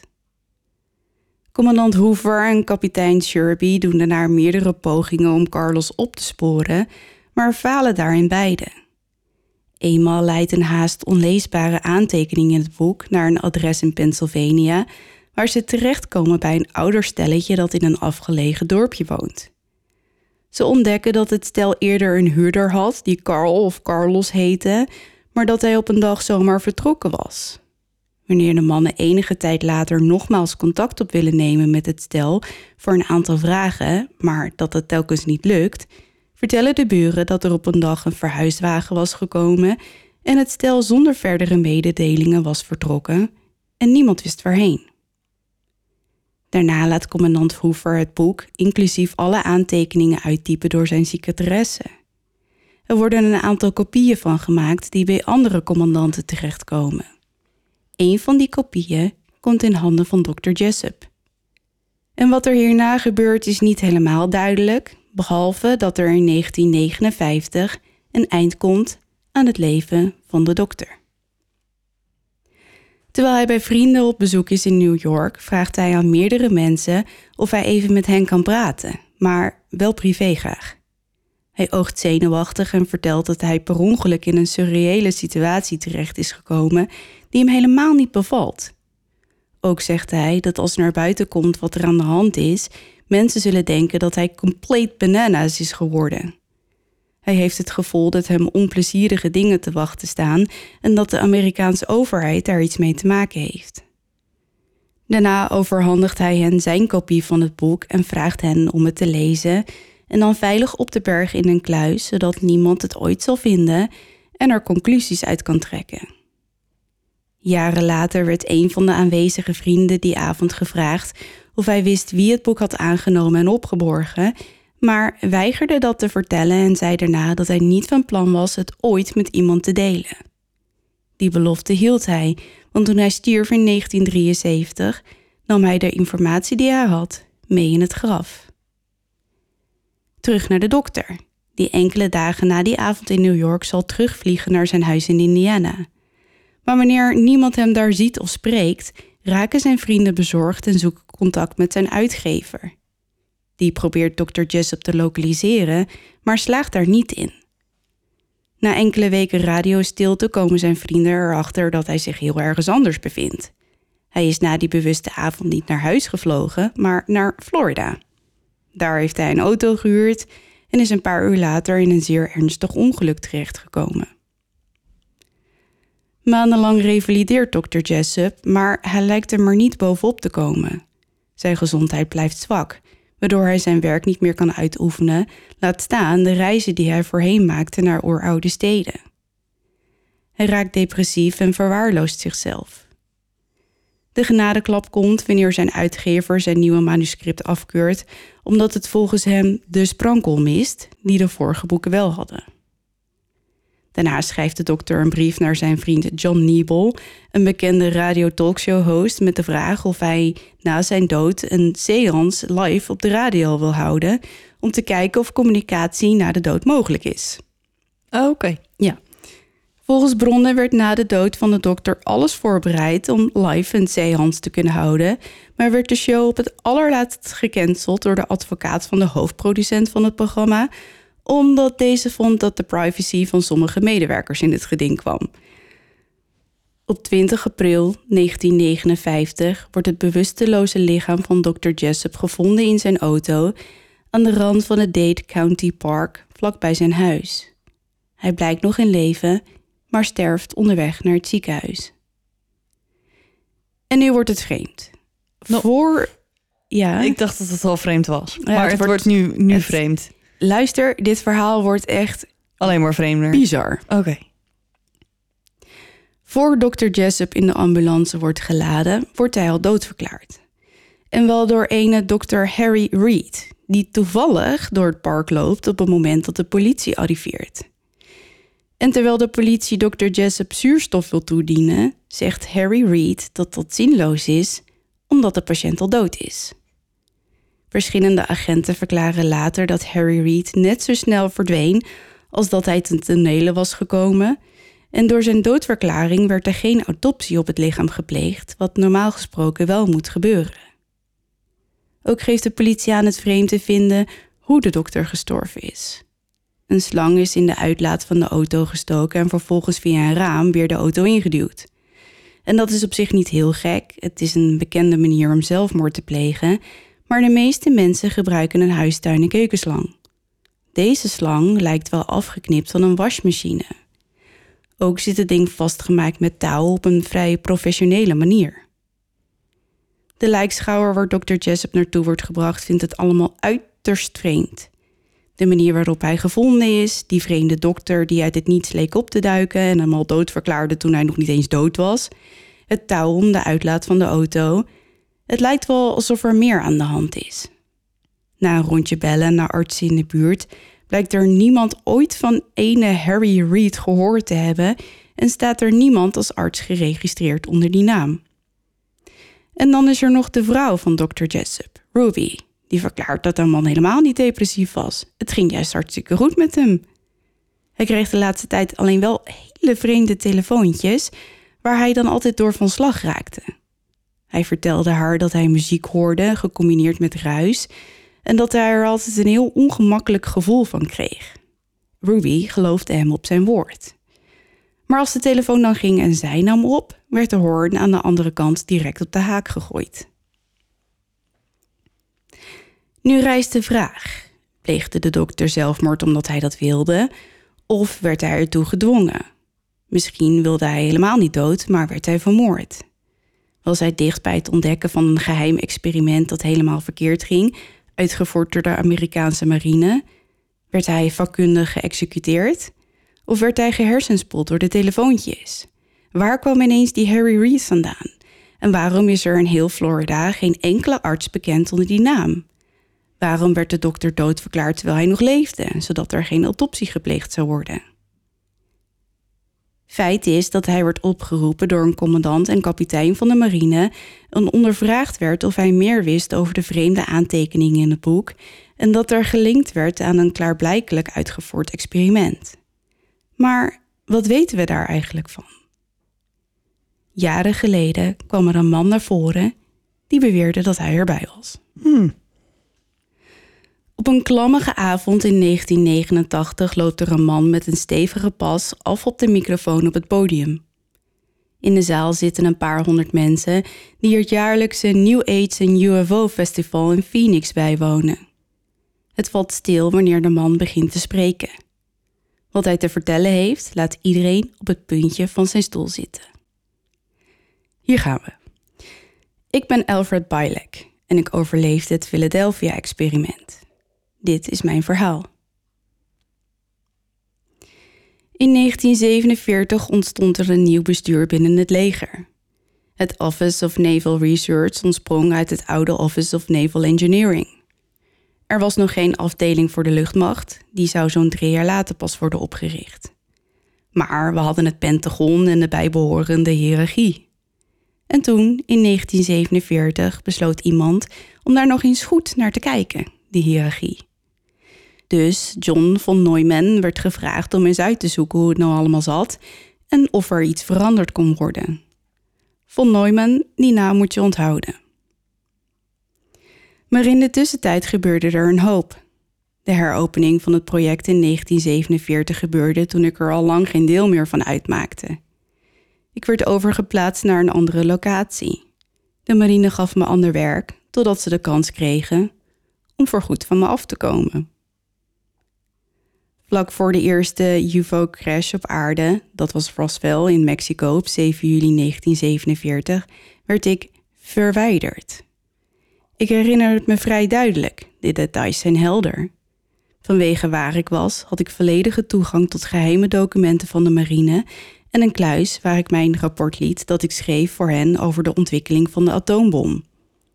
Ik zat in Los Alamos toen ze me zonder pardon op een trein naar Washington zetten. Daarna werd ik naar Montauk aan de oostkust gebracht. Montauk was op dat moment een militaire basis voor zowel de marine als het leger en werd Fort Hero genoemd. Fort Hero was een naam die uit de Eerste Wereldoorlog stamde. Ze hadden er grote wapens om de kustlijn te beschermen. Die wapens zaten vast op een rail, dat weet ik nog. En er waren grote opslagruimtes voor munitie en dergelijke. Ze hadden dus toch besloten dat ze van me af wilden. Niet dood, alhoewel dat wel de makkelijkste manier is. Nee, ze moesten op een andere manier van me af. Dat gebeurt met mensen die te veel weten. En daarom werd mijn geheugen geweest. Stuurde me ze terug naar een ander lichaam. Gaven me een ander leven. Alfred Bilek werd ik. En ik kreeg een compleet nieuwe familie. Zelfs mijn geboorteakte werd verwisseld. Ik was geen Edward Cameron meer. Tenminste, ik heb geen documenten die dat bewijzen. Ze zijn allemaal verdwenen, gewist gedelete, als je het zo wil noemen. Ze hadden het van tevoren goed doordacht. Ik heb wel herinneringen uit mijn jeugd, mijn studie, een succesvolle carrière van 30 jaar en mijn pensioen twee jaar geleden. Oké, we stappen hier heel even uit. Ja, dat is goed, want er kwam in één keer een liedje in mijn hoofd op. Oh? Er is zo'n liedje van Kus van heel lang geleden toen we op de middelbare school zaten. Van ik heb je nummer gedelete, ik heb je nummer geraced of zo. Oh. Dus daar moest ik even aan denken. Ah, nou gelukkig ben je het niet gaan zingen. Nee, dat uh, is beter voor iedereen dat ik dat niet doe. Ja. Ik wil even een sprongetje maken. Uh, hierna vertelt Alfred over de Roswell eh, crash in 1947 en dat hij onderdeel uitmaakte van het onderzoek. Hij heeft ook een interessante theorie over hoe de tijd werkt, wat ik denk belangrijk is voor de begrijpelijkheid voor de rest van dit verhaal. Oké, kom maar door. Daar gaan we weer.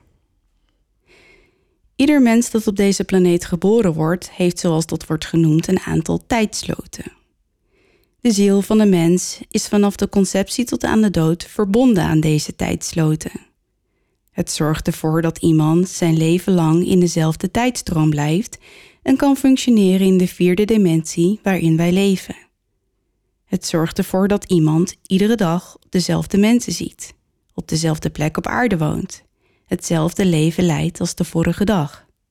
De tijdsloten zorgen daarvoor, zodat we niet op een nacht zomaar in een andere tijdstroom glippen. Wanneer iemand sterft, verdwijnen deze tijdsloten en is de ziel vrij om te gaan. Deze mag reïncarneren of een tijd wachten. Hij mag teruggaan in de tijd, maar ook naar de toekomst. Er zijn onderzoeken die dit ondersteunen. Nu volgen er een aantal zaken rap op elkaar. Alles begon met het Rainbow-project. Von Neumann had daar de leiding over. Zijn machine deed iets verschrikkelijks. Het verscheurde namelijk tijdsloten. Hij gebruikte een enorme resonantietransformator ontworpen door Nikola Tesla, Zo'n transformator doet ongeveer dit. Het is een hoogspanningsvoorziening transformator om de wisselstroom te verhogen tot een spanning die hoog genoeg is om de vonkbrug te overbruggen. Typische spanningen liggen tussen 5 en 30 kilovolt. Daarbij gebruikte von Neumann een spoel, ook wel bekend als de Tesla-spoel. Deze spoel is in feite een luchtkern dubbel afgestemde resonerende transformator die de hoge uitgangsspanning genereert. Oké, wij vragen... Ik ben, ik ben een beetje eh, in de war. Ja, mij niet bellen. Ik weet echt niet eens wat ik net heb voorgelezen. Ik ook niet, maar er is vast een van onze duisteraars... die precies snapt wat er hier gezegd wordt. Ja, nou, het gaat er blijkbaar om dat er een enorm sterk elektromagnetisch veld gecreëerd kon worden. Oké, terug naar Alfred. De Tesla-spoel dus. Von Neumann gebruikte er vier. Ze werden in twee paden aangedreven en veroorzaakten zeer lage frequenties die het equivalent van ongeveer 80 pulserende megawatt hadden. De ontvangende antenne stond op het dek van een schip. De bemanning van dat schip werkte en woonde praktisch naast die antenne. Niemand had ooit eerder uitgeprobeerd wat er zou gebeuren met mensen als die zich in zulke sterke magnetische krachtvelden bevonden. Niemand besteedde er echt aandacht aan. Niemand had ooit verwacht dat er iets zou gebeuren. Niemand behalve Nikola Tesla. Von Neumann bedacht later dat er waarschijnlijk wel iets moest gebeuren. Dat kon bijna niet anders. Het eindigde met een doorgedraaide bemanning, mensen die hun tijdsloten kwijtraakten, mensen die voorgoed in het niets terechtkwamen en verdwenen. Als de magnetische velden aanstonden, dan was er geen probleem. Stonden ze uit, dan raakten mensen hun tijdsloten kwijt en zwierven ze eeuwig door het universum. Van Neumann wist dat hij het moest repareren. Hij moest hier een oplossing voor bedenken. Daarvoor had hij een computer nodig, maar die bestonden nog niet en dus vond hij er een uit. In 1952 was het klaar en vond hij de oplossing voor het tijdslotprobleem. Hoe? Dat weet ik niet. In 1953 voerden ze nog een test uit. Een ander schip, een nieuwe bemanning. Dit keer waren er geen problemen, geen doorgedraaide bemanning, geen mensen die voorgoed waren verdwenen. Het verliep prima. Het project werd uitgebreid en verbeterd en werd omgedoopt tot het Phoenix-project en resulteerde uiteindelijk in het uitvinden van hardware die nu nog wordt gebruikt. Vooral als het gaat om onzichtbaarheid, zoals de B-2, oftewel de stealth bomber.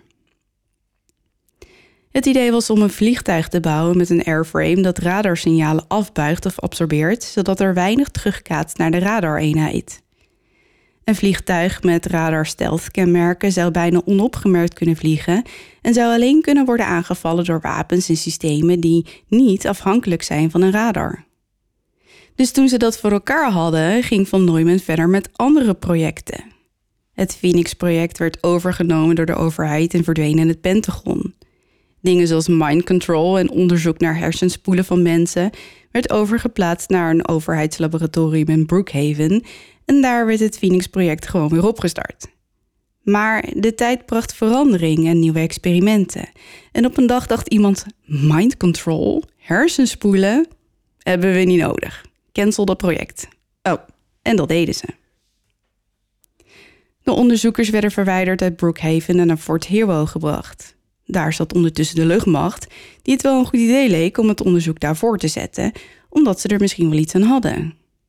Uiteindelijk cancelde ook zij het project, maar dat was pas nadat het helemaal misging. Op 12 augustus 1983 eindigde het Phoenix-project in complete horror. De transformator sloeg op hol. Het krachtveld werd zo groot dat de computer zelf ging nadenken en een monster creëerde. Uh-oh. Een letterlijk monster. Het was bijna 9 meter groot en vernietigde het halve fort. Het enige wat ze konden doen was het doorsnijden van de kabels die het fort van stroom voorzagen. De machine had namelijk een manier gevonden om zichzelf van stroom te voorzien. Ze sloegen alles kapot: de connectoren, de computers. Ze vernietigden de hersenen van de machine. Daarna verdween het monster en liet het fort in puin achter. Maar goed, ik kwam hier vertellen over het Philadelphia-experiment. Ik was erbij. En mijn broer Duncan ook. We gingen samen bij het leger en deden dan ook samen de officierenopleiding bij de marine. We sloten ons aan bij een programma voor geavanceerde studies aan het Princeton Instituut en in 1940 werden we geplaatst op het schip de USS Pennsylvania. Dat schip werd vrij kort daarna naar een droogdok getransporteerd en kregen wij nieuwe orders. Pearl Harbor was gebombardeerd en de marine vertelde ons dat ze geen mannen van ons kaliber op de operationele schepen wilden hebben. We werden naar Washington gestuurd, maar in 1942 werden we teruggehaald en belanden we weer op het Princeton Instituut. De oorlog was echter nog in volle gang en de marine hoopte met verschillende geheime projecten het mogelijk te maken om schepen onzichtbaar te krijgen voor vijandelijke radarschepen en U-boten. Nikola Tesla maakte deel uit van deze experimenten. Hij gebruikte een zogenaamde analoge benadering, waarbij alle apparatuur continu aanbleef, gemodelleerd met vier verschillende zeer complexe golfvormen met behulp van twee modaliteiten. Een modaliteit was de stroomgenerator op een bepaalde frequentie. De generator stond met zijn aandrijfmotor op het dek. Tesla wist dat het geen goed idee was om die experimenten uit te voeren met bemande schepen. Er was nog nooit eerder een menselijk lichaam blootgesteld aan 20 megawatt RE-pulsvermogen op slechts 23 meter afstand van de antenne. Sommigen wisten dat de resultaten desastreus konden zijn, omdat de maximale stroomblootstelling niet hoger mag zijn dan 100 milliwatt per vierkante centimeter van het huidoppervlak. Maar daar had de overheid geen boodschap aan. Door zijn gezeur en een mislukt project werd hij vervangen door Dr. John von Neumann. Tien maanden later werd Nikola Tesla dood in een hotelkamer in New York gevonden. Ja, daar baal ik dus echt van. Ja, Maar ja, ja, ja, dat, Ja. ja. ja. Toen von Neumann de controle overnam, ontwierp hij het hele systeem opnieuw en na het debakel met het Phoenix-project verzocht hij om een nieuw schip. Dit was de DE-173 Eldridge. Hij koos voor een digitale aanpak en zette twee grote generatoren, 75 kilovolt ampère elk, in het ruim. Dit schip werd aangepast. De tweede geschutskoepel werd helemaal weggelaten en vervangen door een 8 megawatt diesel aangedreven generator en master pulse oscillator. Zo, Ja, het systeem van von Neumann produceerde een centraal roterend elektromagnetisch veld op een kritische frequentie om te interageren met de tweede tijdvector. juist. Ja, hierdoor werd de positie van het tijdveld gedraaid ten opzichte van het schip en zorgde ervoor dat het onzichtbaar werd. En dat lukte. Wauw. Het lukte iets te goed. Uh-oh. In juli 1943 deden ze een eerste poging. Van Neumann stond ondertussen onder grote druk van de oorlog. Hij wist dat het misschien fout kon gaan, maar dit was voor het grotere goed. Liever nu een paar levens verliezen dan straks een oorlog. Er werd een groepje vrijwilligers samengesteld en opgeleid onder leiding van mijn broer. En toen begon het. Maar er waren meteen al problemen. Mijn broer en ik waren benedendeks en werden voor 20 minuten onzichtbaar. En misschien heeft dat ons gered omdat we onder de watergrens zaten. De mannen op het dek werden gek. Op 12 augustus 1943 om 9 uur in de haven van Philadelphia besloten ze een aangepaste aanpak te volgen en de transformators op halve kracht te laten draaien om alleen radaronzichtbaarheid te bereiken. Gedurende de eerste 30 seconden zagen waarnemers op de kade het schip in een groene mist, waarna er een gigantisch blauw en fel licht verscheen en toen verloren ze radiocontact. Het schip was weg. Foetsie. Verdwenen. Pleiten. Pleiten. Niet meer daar. Vier uur later keerde het terug naar dezelfde locatie. Enkele delen van het schip waren beschadigd, terwijl andere onderdelen ontbraken. Ze vroegen ons wat er met de ontbrekende apparatuur was gebeurd, maar niemand had concrete antwoorden. Toen we naar het dek renden, zagen we de hel losbarsten. Het was verschrikkelijk. Twee matrozen waren versmolten in het dek, twee in de boeg.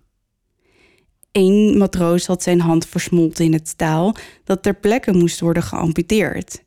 Hij was slechts één van de weinigen nog in leven en heeft nu een kunstmatige hand. De rest van de bemanning aan dek was in staat van hysterie en waanzin. In paniek probeerden we de machine stil te leggen, maar de stroomschakelaar sprong niet om, dus besloten we overboord te springen. En toen kregen we de schok van ons leven. We kwamen niet in het water terecht, maar in Fort Hero, Montauk, 1983. 40 jaar later. Wat? Toen we een beetje bij onze positieve kwamen, werden we naar een man gebracht.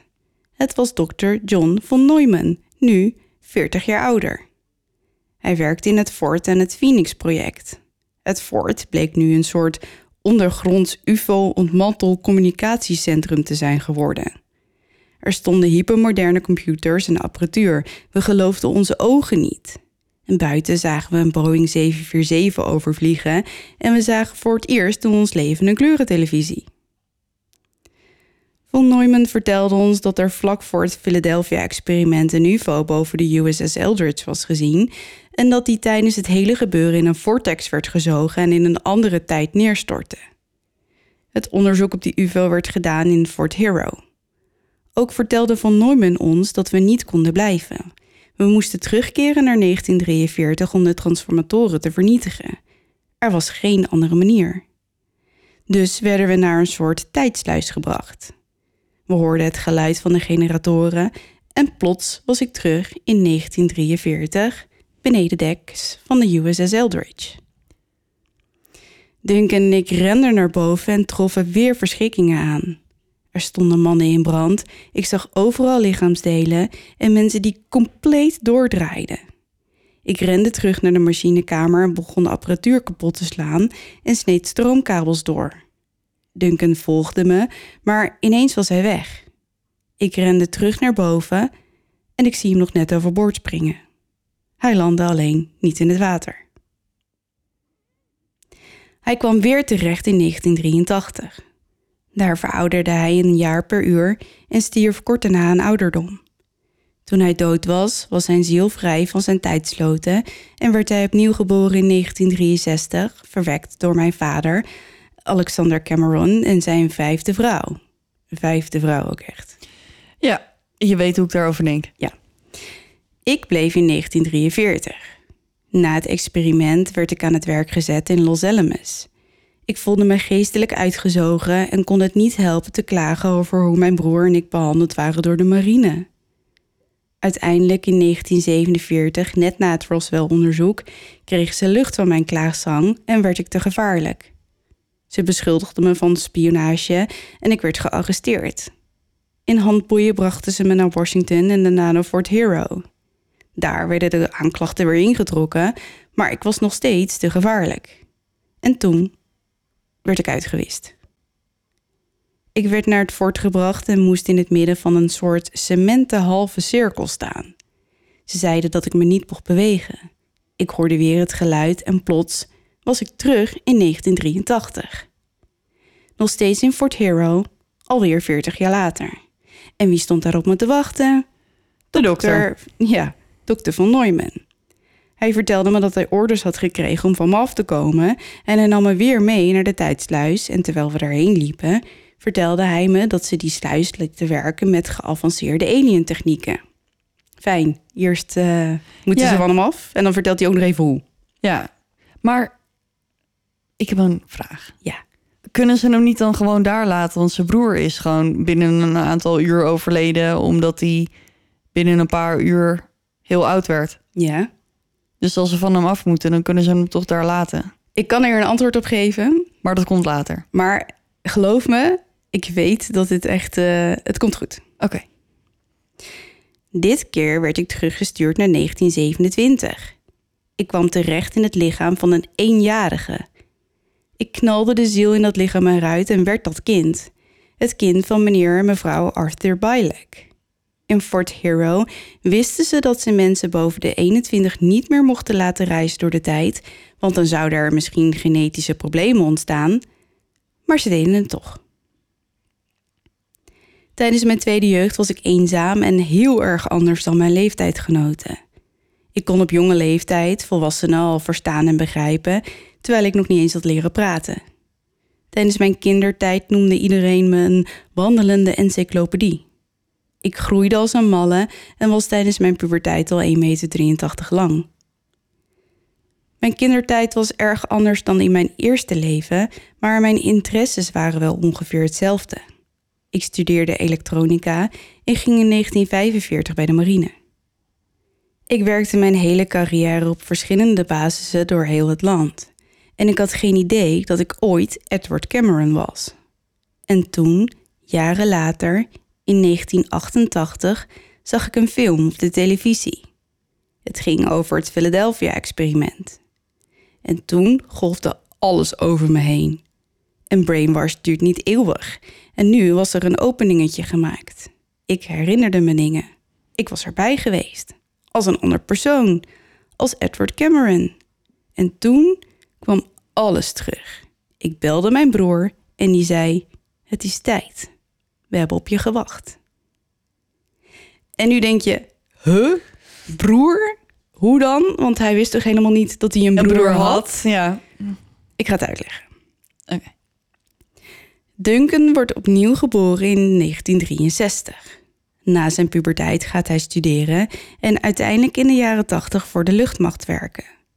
Daar neemt hij deel aan het heropende Phoenix-experiment, of soms ook wel het Montauk-project, genoemd op Fort Hero. Omdat Duncan al eerder heeft geleefd, is hij anders, net als Alfred Bielek. Hij ontwikkelt een soort zesde zintuig en kan gedachten lezen en telepathie gebruiken. Hij doet dat via een soort stoel die verbonden is met de tijdsluis en werkt met krachtige magnetische velden. Ik zie je kijken. Ze noemen die ook wel de Montauk Chair. Ook daarover gaat een complottheorie rond, maar die is voor een andere keer. Oké. Maar goed, Duncan doet dat samen met een wetenschapper genaamd Preston Nichols. Doordat Duncan een zesde zintuig heeft, weet hij somehow dat hij dus al eerder heeft bestaan. En samen met Preston Nichols komt hij erachter dat hij in 1943 van boord van de USS Eldridge sprong, stierf in 1983 en opnieuw geboren wordt in 1963. Hij weet dus dat hij deelgenomen heeft aan het Philadelphia-experiment en dat hij een broer heeft die nog leeft. Aha. Snap je het? Makes sense, ja. Oké. Vervolgens nodigden ze Alfred Bielak uit om naar een laboratorium in Fort Hero te komen en werken een tijd met hem samen. Alfred weet al die tijd niet dat hij met zijn broer werkt, omdat hij daar gewoonweg geen herinnering aan heeft. Maar wel heeft hij last van flashbacks, want hij is op de plek waar het hele gebeuren begonnen is. Ja. Ja. Het voelt allemaal nogal kloten voor hem en hij weet god niet waarom. En de jaren verstrijken, maar de mannen houden wel contact. Dan, in 1988, wordt Alfreds aandacht getrokken door een promo op de televisie. Die gaat over een film genaamd The Philadelphia Experiment. De film gaat over een geheim project door de Amerikaanse marine dat experimenten doet op een schip om het onzichtbaar te maken. Twee jonge bemanningsleden springen overboord, komen terecht in de toekomst en worden vervolgens teruggestuurd om de machines op het schip kapot te maken, zodat er een einde komt aan de schijnbare tijdreis die het schip per ongeluk ondergaat. En voor Alfred komt alles nu in volle hevigheid terug wanneer hij eindelijk beseft wat er al die jaren geleden is gebeurd. En dan belt hij zijn broer, die een maand eerder al tot dezelfde conclusie is gekomen. Oké, nu denk je vast, dit verhaal van kapitein Ortega zou best wel eens waar kunnen zijn. Maar er zijn nogal wat vraagtekens. Oké. Want dit verhaal vertelt Alfred op die warme avond in 1989. Later past hij zijn verhaal aan en blijkt dat hij en Duncan niet alleen door de tijd reizen naar 1983, maar ook naar het jaar 2137. Oh, Ja, daar komen ze onder de stralingswonden in een hypermodern ziekenhuis terecht waar ze verzorgd worden. De artsen vertellen hen dat er tussen de Tweede Wereldoorlog en het jaar 2137 ingrijpende veranderingen plaatsvinden. Bijna de hele westkust en het zuidoosten staan onder water en de Verenigde Staten zullen voor hem bijna onherkenbaar zijn. Atlanta ligt nu aan de kust en Florida is gewoon weg helemaal verdwenen. En net als je denkt dat het allemaal niet gekker kan worden, merkt Alfred dat hij zes weken later opnieuw door de tijd reist. En dit keer kan hij zich niet herinneren wat deze nieuwe sprong in de tijd heeft veroorzaakt. Hij komt terecht in het jaar 2749. Opnieuw wordt hij wakker in een ziekenhuis, maar dat lijkt niet op het vorige waarin hij wakker werd. Hij ziet hoe geavanceerd de technologie is en niemand hoeft hem te vertellen dat hij nog verder in de toekomst is gereisd, want Ja. dat is hem wel duidelijk. Duidelijk. Om erachter te komen dat hij in het jaar 2137 is, is nogal overweldigend. Maar het blijkt in het niet te vallen in vergelijking met waar hij eerst was. In het ziekenhuis worden zijn verwondingen opnieuw behandeld door supermoderne geavanceerde apparatuur. De artsen gebruiken trillingen en lichttherapieën, bestuurd door draadloze machines. Het is in die tijd dat Alfred ontdekt dat de aarde totaal anders is dan vroeger. De planeet wordt nu bestuurd door een synthetisch computersysteem.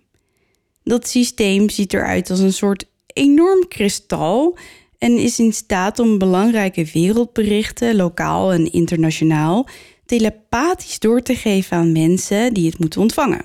Aha. Ja, en dat is echter niet het enige verschil. Een nieuwe wereldorde geeft Alfred het gevoel dat hij op een compleet andere planeet is. Het lijkt in bijna niets meer op de aarde die hij kent. Het kristal is al vrij bizar. De grootste verandering is het gevolg van twee gewelddadige oorlogen die wereldwijd zijn uitgevochten. De eerste is tussen de Russen en de Chinezen. De andere is tussen de Verenigde Staten en Europa. Deze oorlogen waren bloedig en veranderden de wereld voor altijd. Tijdens de nasleep van deze vreselijke conflicten worden hele steden volledig weggevaagd en bestaat er geen gecentraliseerd bestuur meer. Van de 7,7 miljard mensen op aarde zijn er nog maar 300 miljoen over. De Verenigde Staten staat onder militair bewind van de Russen en er is geen regering meer. Florida is verdwenen en de kaart van Amerika die Alfred kent is compleet anders. Maar dat niet alleen. Er zijn geen betaalmiddelen meer, er zijn zwevende steden die zich computergestuurd kunnen verplaatsen. En er is daar dat kristal, die op de een of andere manier mentaal de gehele mensheid bestuurt. Aha. Ja. Alfred blijft zo'n twee jaar in het jaar 2749 voordat hij naar eigen zeggen ineens weer door de tijd reist en in 1983 terechtkomt, samen met Duncan. En de dokter? Nee. Oké, we stappen hier even uit. Ik heb een hele hoop vragen. Ik denk jij ook. Ja. We gaan ze even behandelen. Oké. Want waarom heeft Alfred niet op de avond van zijn coming out met dit verhaal eh, het hele verhaal verteld? Ja. Waarom, waarom komt er daarna nog dat stuk van de toekomst? Ja, want ik vind het nogal wat om dit in eerste instantie achterwege te laten. Het kan natuurlijk zo zijn dat hij bang was dat mensen echt geen hol meer zouden begrijpen van zijn verhaal. Maar het is sowieso al vreemd. Ja. Dus dan maakt dit ook niet meer uit. Nee. En ik moet ook zeggen, er gaan gigantisch veel verschillende versies van dit verhaal eh, rond. Maar ik heb dit verhaal geschreven op basis van een boek met interviews van de beste man. En ehm, Alfred die vier uur lang zijn verhaal doet op camera. En ja, ik heb ze alle vier, Alle vier gekeken. Hij geeft daar gigantisch veel details over wat hij heeft meegemaakt. Maar het lijkt wel of er steeds meer bij, komt. Ja. Hij is trouwens overleden in oktober 2011 op 84-jarige leeftijd en is begraven in Mexico. Maar even terug naar het begin van dit verhaal, want we begonnen met Dr. Jessup, die de brieven ontving van een onbekende afzender, maar waarvan we weten dat het Carlos Miguel Allende is. Pas jaren na de dood van Dr. Jessup treedt hij naar buiten als de verstuurder van de brieven. Hij zegt daarbij dat hij een van de waarnemers is geweest die het hele experiment zag gebeuren vanaf een ander schip dat op dat moment in de haven lag, de SS Andrew Faruseth. En dat klopt. Carlos is in dienst van de marine ten tijde van het experiment. En uiteindelijk is hij de aanstichter van deze hele heisa, omdat hij degene was die alles onder de aandacht bracht, waardoor er uiteindelijk jaren later een film over werd gemaakt. Waarna Alfred keek Ja. en die herinnerde zich alles. Maar was Carlos een absolute nutcase die gelegenheid creëerde voor een aantal andere nutcases om ook een bizar verhaal te vertellen? Of is dit alles een van de grootste cover-ups van de Amerikaanse marine? Werd dokter Jesse Preyersenspoel door die rare telefoontjes en later vermoord door de overheid omdat hij op het punt stond om iets groots te onthullen? Mhm. En als dat zo was, zou dat dan slecht geweest zijn? Ja. Nou ja, het is in ieder geval duidelijk dat het Philadelphia-experiment een van de grootste Amerikaanse complottheorieën van vandaag de dag is. En ik heb nog drie opmerkingen. En dan zijn we er bijna. Oké. En dan mag je al een vraag stellen. Toen Alfred en Duncan in 1983 terechtkwamen en naar een oudere John von Neumann gebracht werden, had deze in de gaten dat de twee jongens naar de toekomst waren gereisd. Op datzelfde ogenblik, in 1983, waren beide mannen aan het werk in Fort Hero. Van Neumann wist dit en wist ook dat hij de jongens terug moest sturen om te voorkomen dat er een soort van Dat ze elkaar tegen zouden komen. collision in time Ja. zou ontstaan, waardoor misschien de hele planeet zou ontploffen of zo. Ja. Toen Duncan voor de tweede keer in 1983 in Fort Hero terechtkwam en stierf aan ouderdom, werkte Alfred daar op dat moment. Hij kreeg orders om een man genaamd Alexander Cameron op te zoeken en hem ervan te overtuigen dat hij nog een kind moest verwekken. Wat? Ja, Wa- wa- wacht even. Wat? ja. Meer dan dat wist Alfred niet en meer dan dat werd hem ook niet verteld. En dat zijn missie lukte is duidelijk, want zijn broer werd geboren opnieuw in 1963. Dus als het een cover-up is, hè, Ja. hoezo moet Alfred dan zijn eerste vader ervan overtuigen dat hij nog een kind moet verwekken, zodat hij later in de toekomst zijn eigen broer weer kan ontmoeten? Dat is toch gek? Ja, ik heb hier te weinig hersencellen voor. Oké. Sorry, ik ben echt een beetje flabbergasted. Ja, nou nog één laatste. verhaal. Het Phoenix-project. Dat eindigde met dat monster waar Alfred over vertelde, Mhm. staat beter bekend als het Montauk-project. Dit omdat het gebeurde op de militaire basis van Fort Hero in Montauk. Montauk. Waarom het zo de zijk in draaide en hoe Duncan en Alfred daarbij betrokken waren, vertel ik een andere keer. Want dit duurde al lang Best genoeg. lang, ja. Want hierover gaan verschillende verhalen de ronde die allemaal wat anders vertellen. En nogmaals, voor deze aflevering zijn mijn bronnen dat boek en Alfred zelf. En je mag zelf uitmaken of hij een compleet gestoorde Harry was of dat hij de waarheid vertelde. En oh ja, voordat ik het vergeet, iedereen kent wel Nikola Tesla of in ieder geval zijn naam. In officiële documenten van de Amerikaanse overheid wordt gezegd dat hij een paar jaar voor zijn dood met pensioen ging. Onofficiële documenten stellen echter dat Nikola Tesla nog aan het werk was tien maanden voor hij stierf. Er zijn meerdere mensen die claimen dat dat daadwerkelijk het geval is geweest. En dat zou betekenen dat Alfred daar in ieder geval gelijk in had. Hmm. Wat een verhaal. Wauw. Ja, heb je nog vragen die ik moet beantwoorden? Ehm, Nou, op zich hoop ik, ik heb mijn best gedaan om het al redelijk eh, Ja. zo te brengen dat je het begrijpt. ja, aan het einde kwam het wel allemaal samen en werd het een, een stuk duidelijker. Ja, want ik zat inderdaad vol met vragen, maar die heb je eigenlijk Ja. allemaal wel. Beantwoord. Beantwoord, Ja, ja. en ik weet dat ik met een hele hoop ingewikkelde termen heb geslingerd. Ja, maar, Maar die waren wel een soort van nodig om te vertellen hoe dat schip in godsnaam Ja. onzichtbaar is geworden. Ja. En het eindigde, het, toen het verdween, kwam het in een, een eh, haven in Norfolk terecht, in Mhm. Virginia. En tien seconden later verdween het daar weer. Ja. Mensen hebben het gezien. Maar het is vier uur lang weg geweest. ja. Dus waar het daarna heen getubed is, geen idee. Maar eh, niemand weet het. Nee, nou ja, ik, ik heb een aantal keer gevraagd om tijdreizen. Dus ik ben blij dat je hem gedaan hebt. Ja, En ehm, Nou, dit is natuurlijk... Het valt meer onder de categorie complottheorie. ja, maar er wordt wel getijdreisd. Daar wordt zeker in getijdreisd, ja. Dat bedoel ik. Ja. hey, ik ga ook eh, tijdreizen. als je het niet erg vindt. En het is... eh, het is laat. Het is We waren allebei een beetje aan de lange kant. En mijn stem die gaat er helemaal van... eh, Ja, we hebben alle twee last van een kikker in onze keel. ja, oh, ik wil nog even zeggen... Ja. Dat mocht je die, eh, dat vier uur durende spektakel van Alfred Bilek ook willen zien... Ja? Het staat op YouTube.